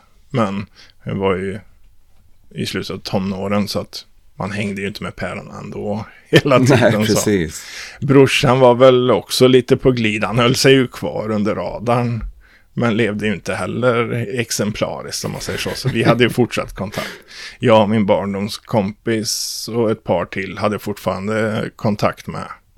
Eh, nästan ja, opåverkat. Och många av dem gick också ur efteråt, liksom inom kanske ett eller två år så hade ja, kanske ja, 60-70 procent av alla som jag fortfarande umgicks med eh, också lämnat på ett eller annat sätt. Okej. Eller slutat leva så. Ja, De som aldrig döper sig har det ju lite simplare då. För att i och med att de inte har döpt sig så blir de aldrig uteslutna eller, eller Ah. behöver gå ur. Så att på det sättet kan de fortsätta umgås med vem de vill egentligen. Utan att någon ser ner på det. ja. Så, så att det, det fanns ju några sådana också. Men då är det väl lite socialt eh, misstänker jag att eh, det är svårt i och med att man inte är döpt eller eh, att man Nej, inte har det- levt upp till förväntningarna eller? Ja, lite så. Men alltså då har de, de lever jävligt mycket på hoppet. Så att Ah, du har okej. ju inte döpt dig än. Ja, ja, ja, okej. Det är inte så att du har tagit avstånd ifrån det liksom. Utan du har bara inte kommit till den punkten än. Jag förstår, så det är Oavsett någonting man kan göra som 35-åring också. Ja, Jajamän. ah, okej. Det, Mm. Vi känner ju eh, en gemensam vän som är 47. Som Ja, ja. fortfarande inte... Ja, precis. Som lever med lite en fot i varje värld. Så... Ja. Ja, men det måste ge... I de fallen så måste det ju kännas som en fruktansvärd eh, inombordskamp liksom. Eller en sån dualitet att du är del av båda världar. Mm. Jag gled ju långsamt bort ifrån det. Som sagt, redan när jag var 7-8 visste jag att det inte var min grej. Så att jag försökte nog aldrig hålla den. Sen har jag ju varit, eh, utan att banka på min egen trumma, lite intelligentare än min omgivning inom familjen och religionen sådär. Så att jag har ju haft lätt att bara hålla dem lagom borta ifrån mig. Ja, men då är det Genom att säga rätt saker, eh, liksom. tänkande. Det, det har du verkligen. Så att jag har ju kunnat köra mitt eget race utan att folk har lagt sig i allt för mycket. Mm.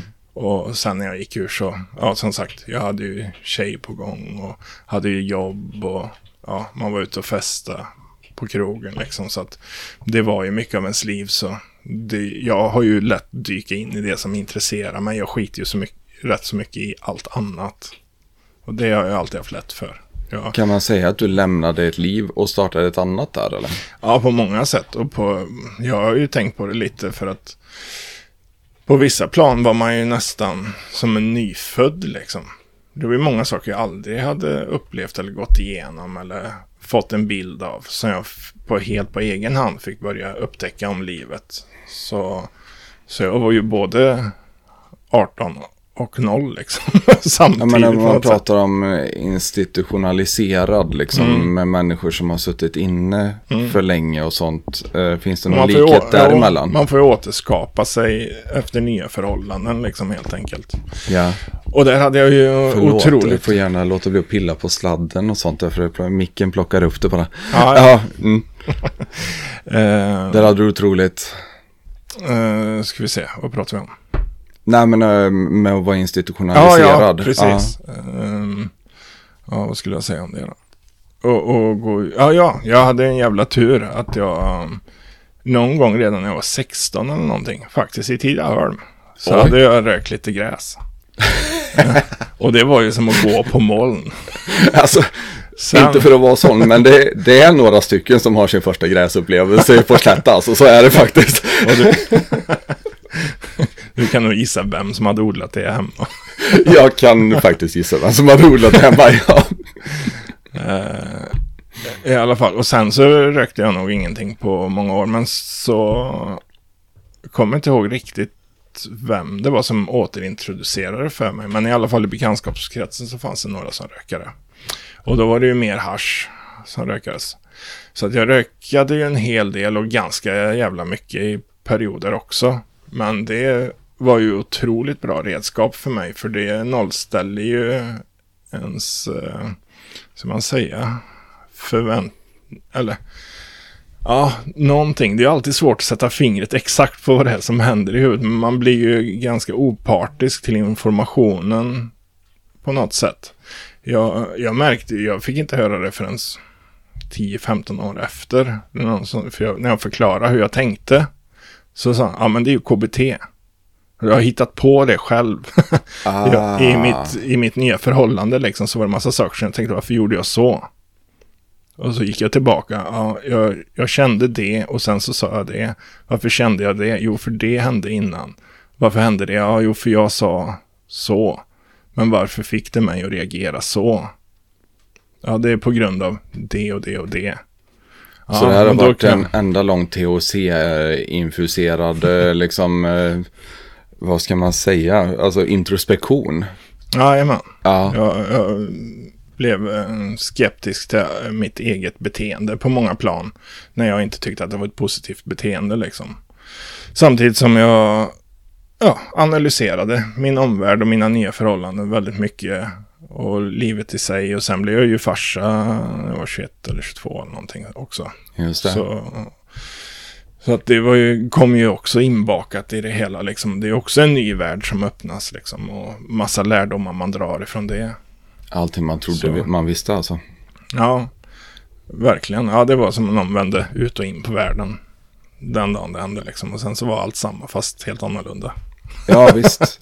Ja, det är så märkligt det där eh, när det händer. Alltså, Jag vet folk pratar om eh, det här in absurdum. Och jag vet att man kan vara lycklig utan barn. Jag vet det. Jag känner flertalet som är det. Ja, ja. Absolut. Och känner man att man vill satsa på sig själv istället så är inte barn en bra väg. Det kan jag ju säga direkt. Satsar man på sig själv så blir inga barn gjorda.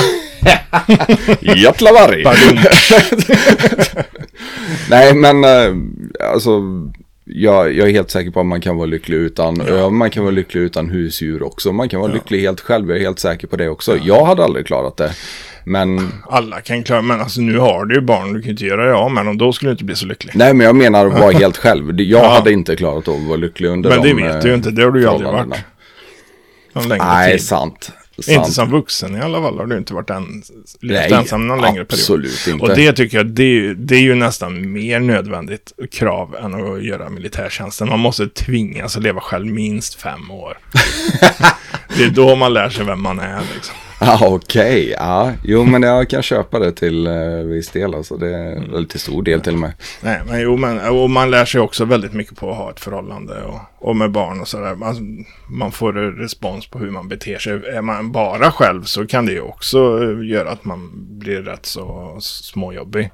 För mm. att det är aldrig någon som, som, som kritiserar ens skit liksom. Nej. Nej, man måste bli checkad också. Det måste man absolut. Men du kom aldrig tillbaka till kampsporten där på tal om att bli checkad eller? Nej, vi hade träningsläger eh, någon gång. Och då, hade, det var bara massa tråkiga grejer. Så jävla länge, du vet massa drillar och sånt. Och sen blev det sparring på slutet. Och inte nog med det, så var jag ju sist ut. Så vi var ju så jävla taggade så vi sprang, hoppsparkade ju varandra det första vi gjorde. Oh, Bara det att han var lite längre och lite tanigare än mig. Och jag var lite kubikigare. så jag landade under så han landade på mitt knä. Ah, fan jag hörde i uppbyggnaden att det är en skada på gång alltså. och det blev ju inte riktigt bra sen. På väldigt lång tid. Jag okay. var inne och gjorde massa så här titthålsoperationer och lite allt möjligt. Sen kom jag till Idrottens hus i Vänersborg och de sa vi vet precis vad felet är. Vi skickar med en remiss till läkarna och de bara nej. inte det. och de här titthålsoperationerna på mig i alla fall skadade mitt knä mer än vad det var innan. Så jag gjorde två och sen sa jag nej men jag skiter i det här. Eh, jag kan nej, inte fan. göra det ännu sämre. Jag låg och hade svinont i knät i en månad utan någon smärtlindring eller någonting. Liksom. Så jag bara, ah. jag gör inte detta en gång till. Det, det, får vara som det är. Det vek sig och fastnade lite ibland och så här. Eh, sen blev det mer sällan det hände. Och sen kom jag tillbaka till styrketräningen igen. Och började köra, för jag var tröttnad på att knät var så dåligt. Så jag började köra upp alla muskler i benet, både över och under knät och runt. Då försvann det. Ja, okej. Okay. fast jag visste, vet inte om den tiden kanske behövdes för knät att läka. Och jag vet fortfarande inte exakt vad som hände inne i knät. För Nej, de men... kunde inte riktigt hitta något med titthålsoperationerna. det gick åt fel håll och någonting fastnade. Jag kan visa precis vart det var som någonting åkte ut där det inte borde. typ. Oh shit. Så i alla fall därför blev det inget mer eh, taekwondo för min del. För då hade det gått lite för lång tid. Uh, jag var lite sugen på det för grabben gick i det ett tag. Då var jag lite sugen på att börja igen, men det var just det med knät. Man blir jävligt handikappad om knät inte fungerar. Så ja, och det är och jag hade hjärnspöken. Ja, jag hade stort intresse av styrketräning på den tiden. Så jag vill hellre kunna fortsätta styrketräna än att och fortsätta med taekwondo. Liksom. Jag förstår. förstår. Ja, nej, för jag tänker, man går från eh, ett sektliknande förhållande så brukar det vara väldigt många som hittar ett annat sektliknande förhållande. Mm. Och kampsport är ju absolut, det kan absolut vara sektliknande. Mm, på väldigt många ja. sätt. Man eh, bugar för eh, någon eh, som eventuellt till och med har titeln mästare. Mm. Eh, ja, taekwondon jag gick i var inte så traditionellt bunden. I alla fall den var väldigt sportinriktad liksom. Så det var mycket tävling och ta, plocka poäng och lite sånt där. Men jag kan säga bara så. inom eh, MMA och BJJ som jag mm. har eh, stor erfarenhet av. Mm. Så det blir ju lite sektliknande ändå. För att mm. till sist så umgås du nästan bara med de som tränar mm. och du äter med de som tränar. Och mm. de vet ju mer om dig än vad du vet om dig själv till sist. Ja, ja. Jo, jo, det kanske. Men det är ju lite... Det blir ju lite familjekänsla på något sätt. Jo, men verkligen. Det fyller väl en funktion. Men du hittade aldrig in i något sånt community efter? Församlingen då? Nej, det var nog bara alla knarkare i stan. knarkare och alkoholister, de fan kommer bra överens med. Jag har kommit överens med alla samhällsskikt, alltid så. Men det öppnar ju en värld för den här undre världen som det brukar kallas utanför den undre världen kallas det den undre världen. Precis. Inte i den. Ja. Men alla som, de lever lite utanför. Och, ja. de, och de har inte så mycket med andra människor att göra, även om de jobbar och sådär. Ofta håller de sig för sig själva. Och sen så har de sin familjekänsla med alla andra som inte dömer dem för vad de gör. Precis. Och det, kan, det var väl ganska skönt. Så det var väldigt mycket så i 20-årsåldern liksom. Att det var mycket folk som kom och gick hemma hos mig. Det var alltid någon hemma. Folk som sov över eller hälsade på. Alltså, det var inte dekadent knarkande, det var bara, vi hade bara skoj. Vi spelade tv-spel, vi spelade gitarr och sjöng och liksom, ja, det var lite hippie, flower power och, och lite sånt där. Lite smådrama ibland såklart, men eh, för övrigt en ganska härlig period i livet liksom. Jo men absolut, det finns ju en ganska härlig, eh, ska man kalla det, ärlighet. Mm. eh, bland den typen av människor. Mm. Tycker jag absolut. Och det, jag eh, har ju liknande kontakter givetvis. Mm. Och några av dem är några av mina bästa vänner också. Mm. Och jag tror det 80 procent, om jag bara får dra en siffra ur röven, eh, minst är ju självmedicinering. Eh, väldigt mycket så ja, absolut. Så, det, och det var första gången jag fattade det på riktigt. Det var när jag, jag har växt upp med en kompis som har fått all ADHD i hela världen. alltså hans huvud snurrar ju runt. Ja, ja. ja. För, eh, det gick inte för han att, att vara still varken fysiskt eller mentalt liksom. Och så såg jag han ta amfetamin en gång. Jag bara, what? Han är helt normal.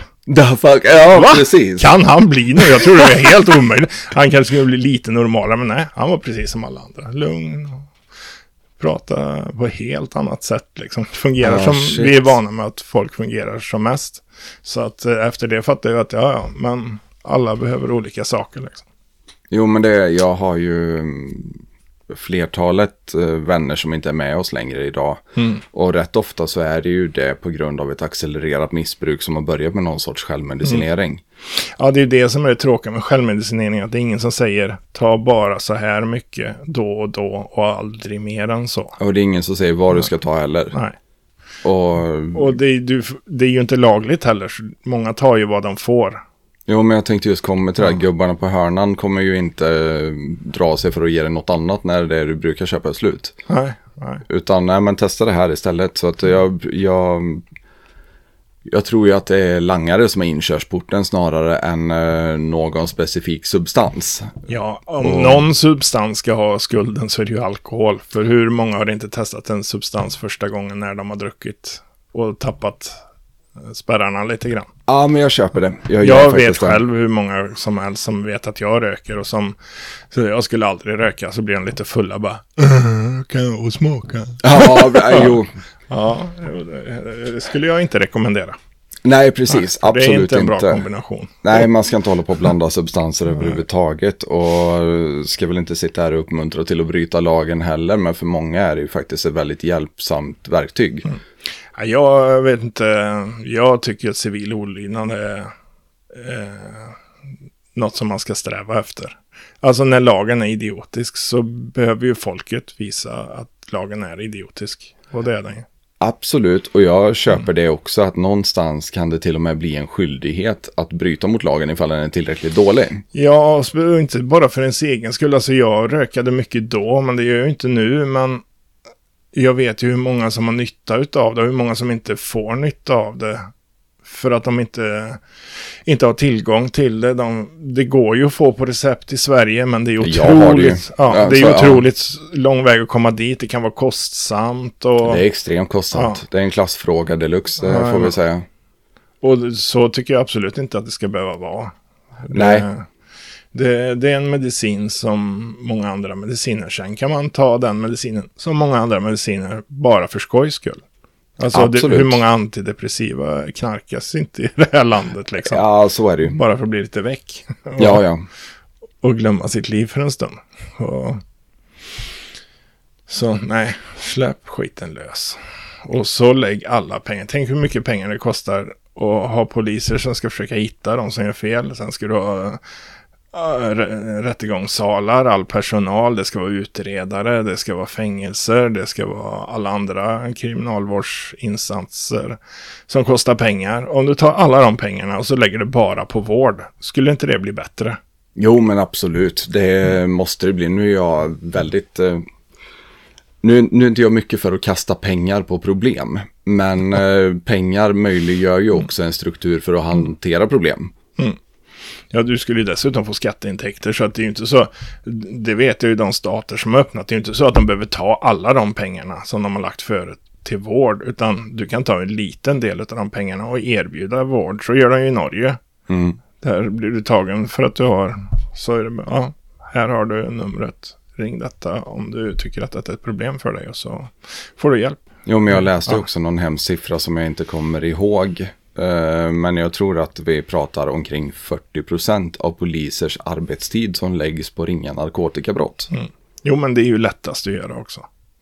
Gå Jo. hem till någon stoner som spelar Xbox och käka chips istället för att gå till någon som bankar på sin käring. Vad fan.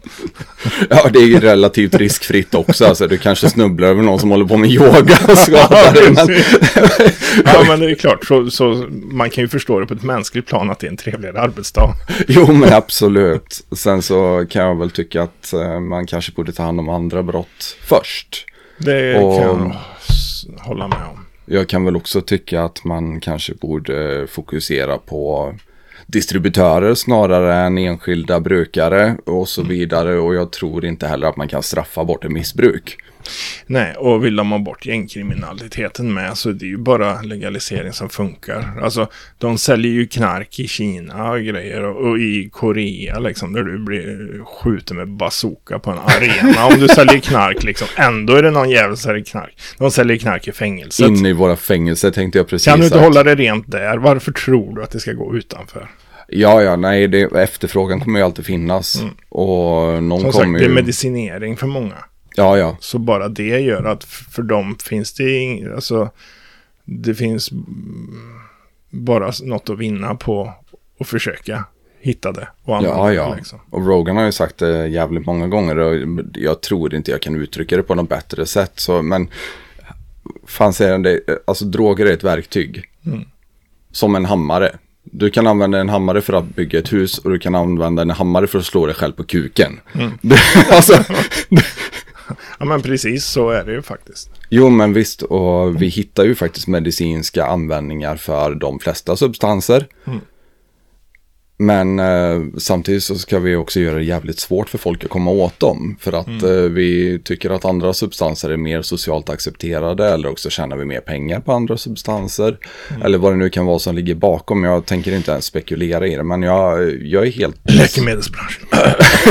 Ja, precis. Jag vill inte säga någonting. För någon jävel kommer hem till mig liksom. Nej, men... eh, Nej det är nog, eh, det är nog inte en uni, ett unikt ställningstagande att tro att de har kanske lite mer inflytande än vad som är nyttigt över vad som är tillåtet och inte. Nej, men jag köper det rakt av faktiskt. Det är ändå en av de mäktigaste industrierna i världen. Ja, och det finns ju en handfull av dem bara.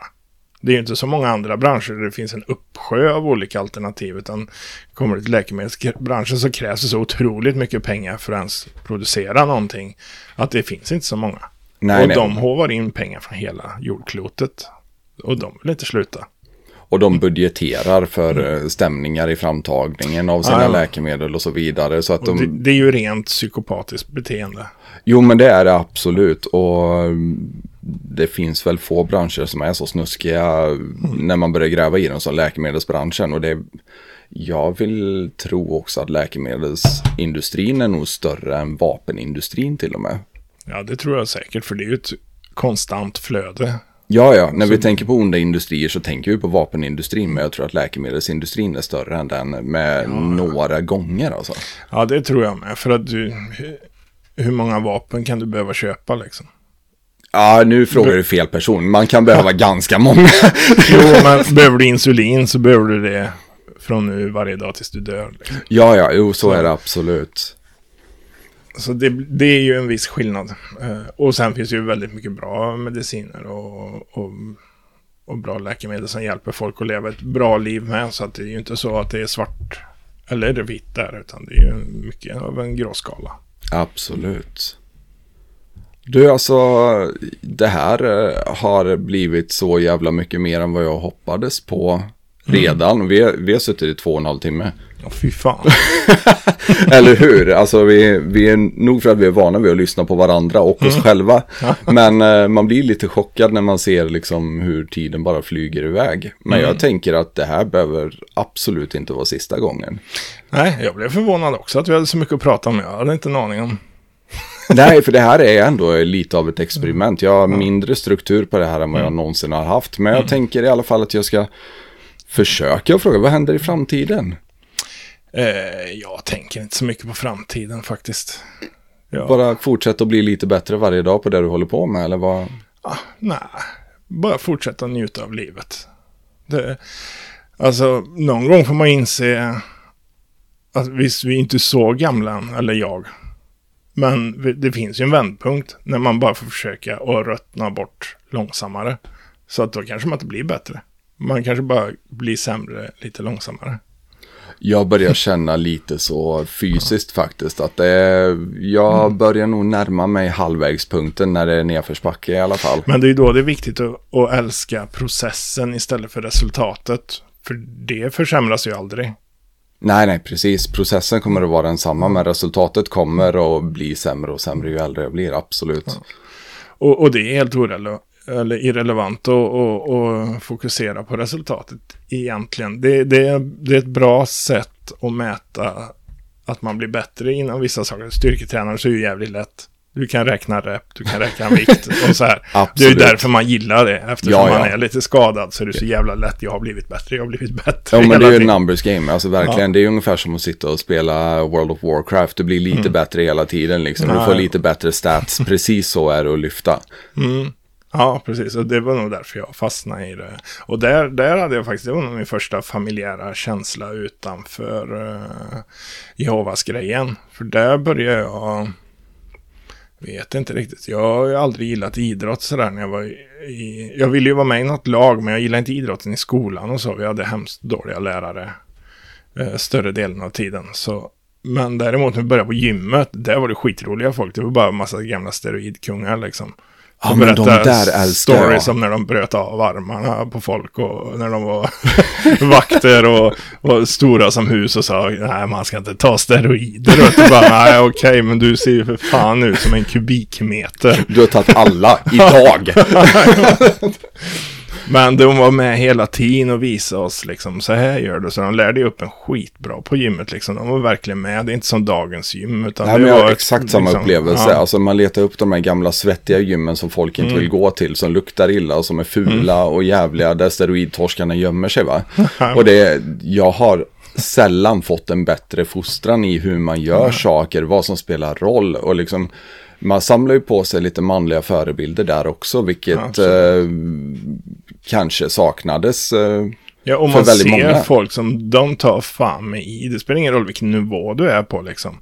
Du gör saker som du inte kan tills du kan dem. Och sen så gör du något nytt som du inte kan tills du kan det liksom. Ja, men du kommer och gör ja. jobbet. Det är ja. så otroligt viktigt att få mm. se någon som gör det.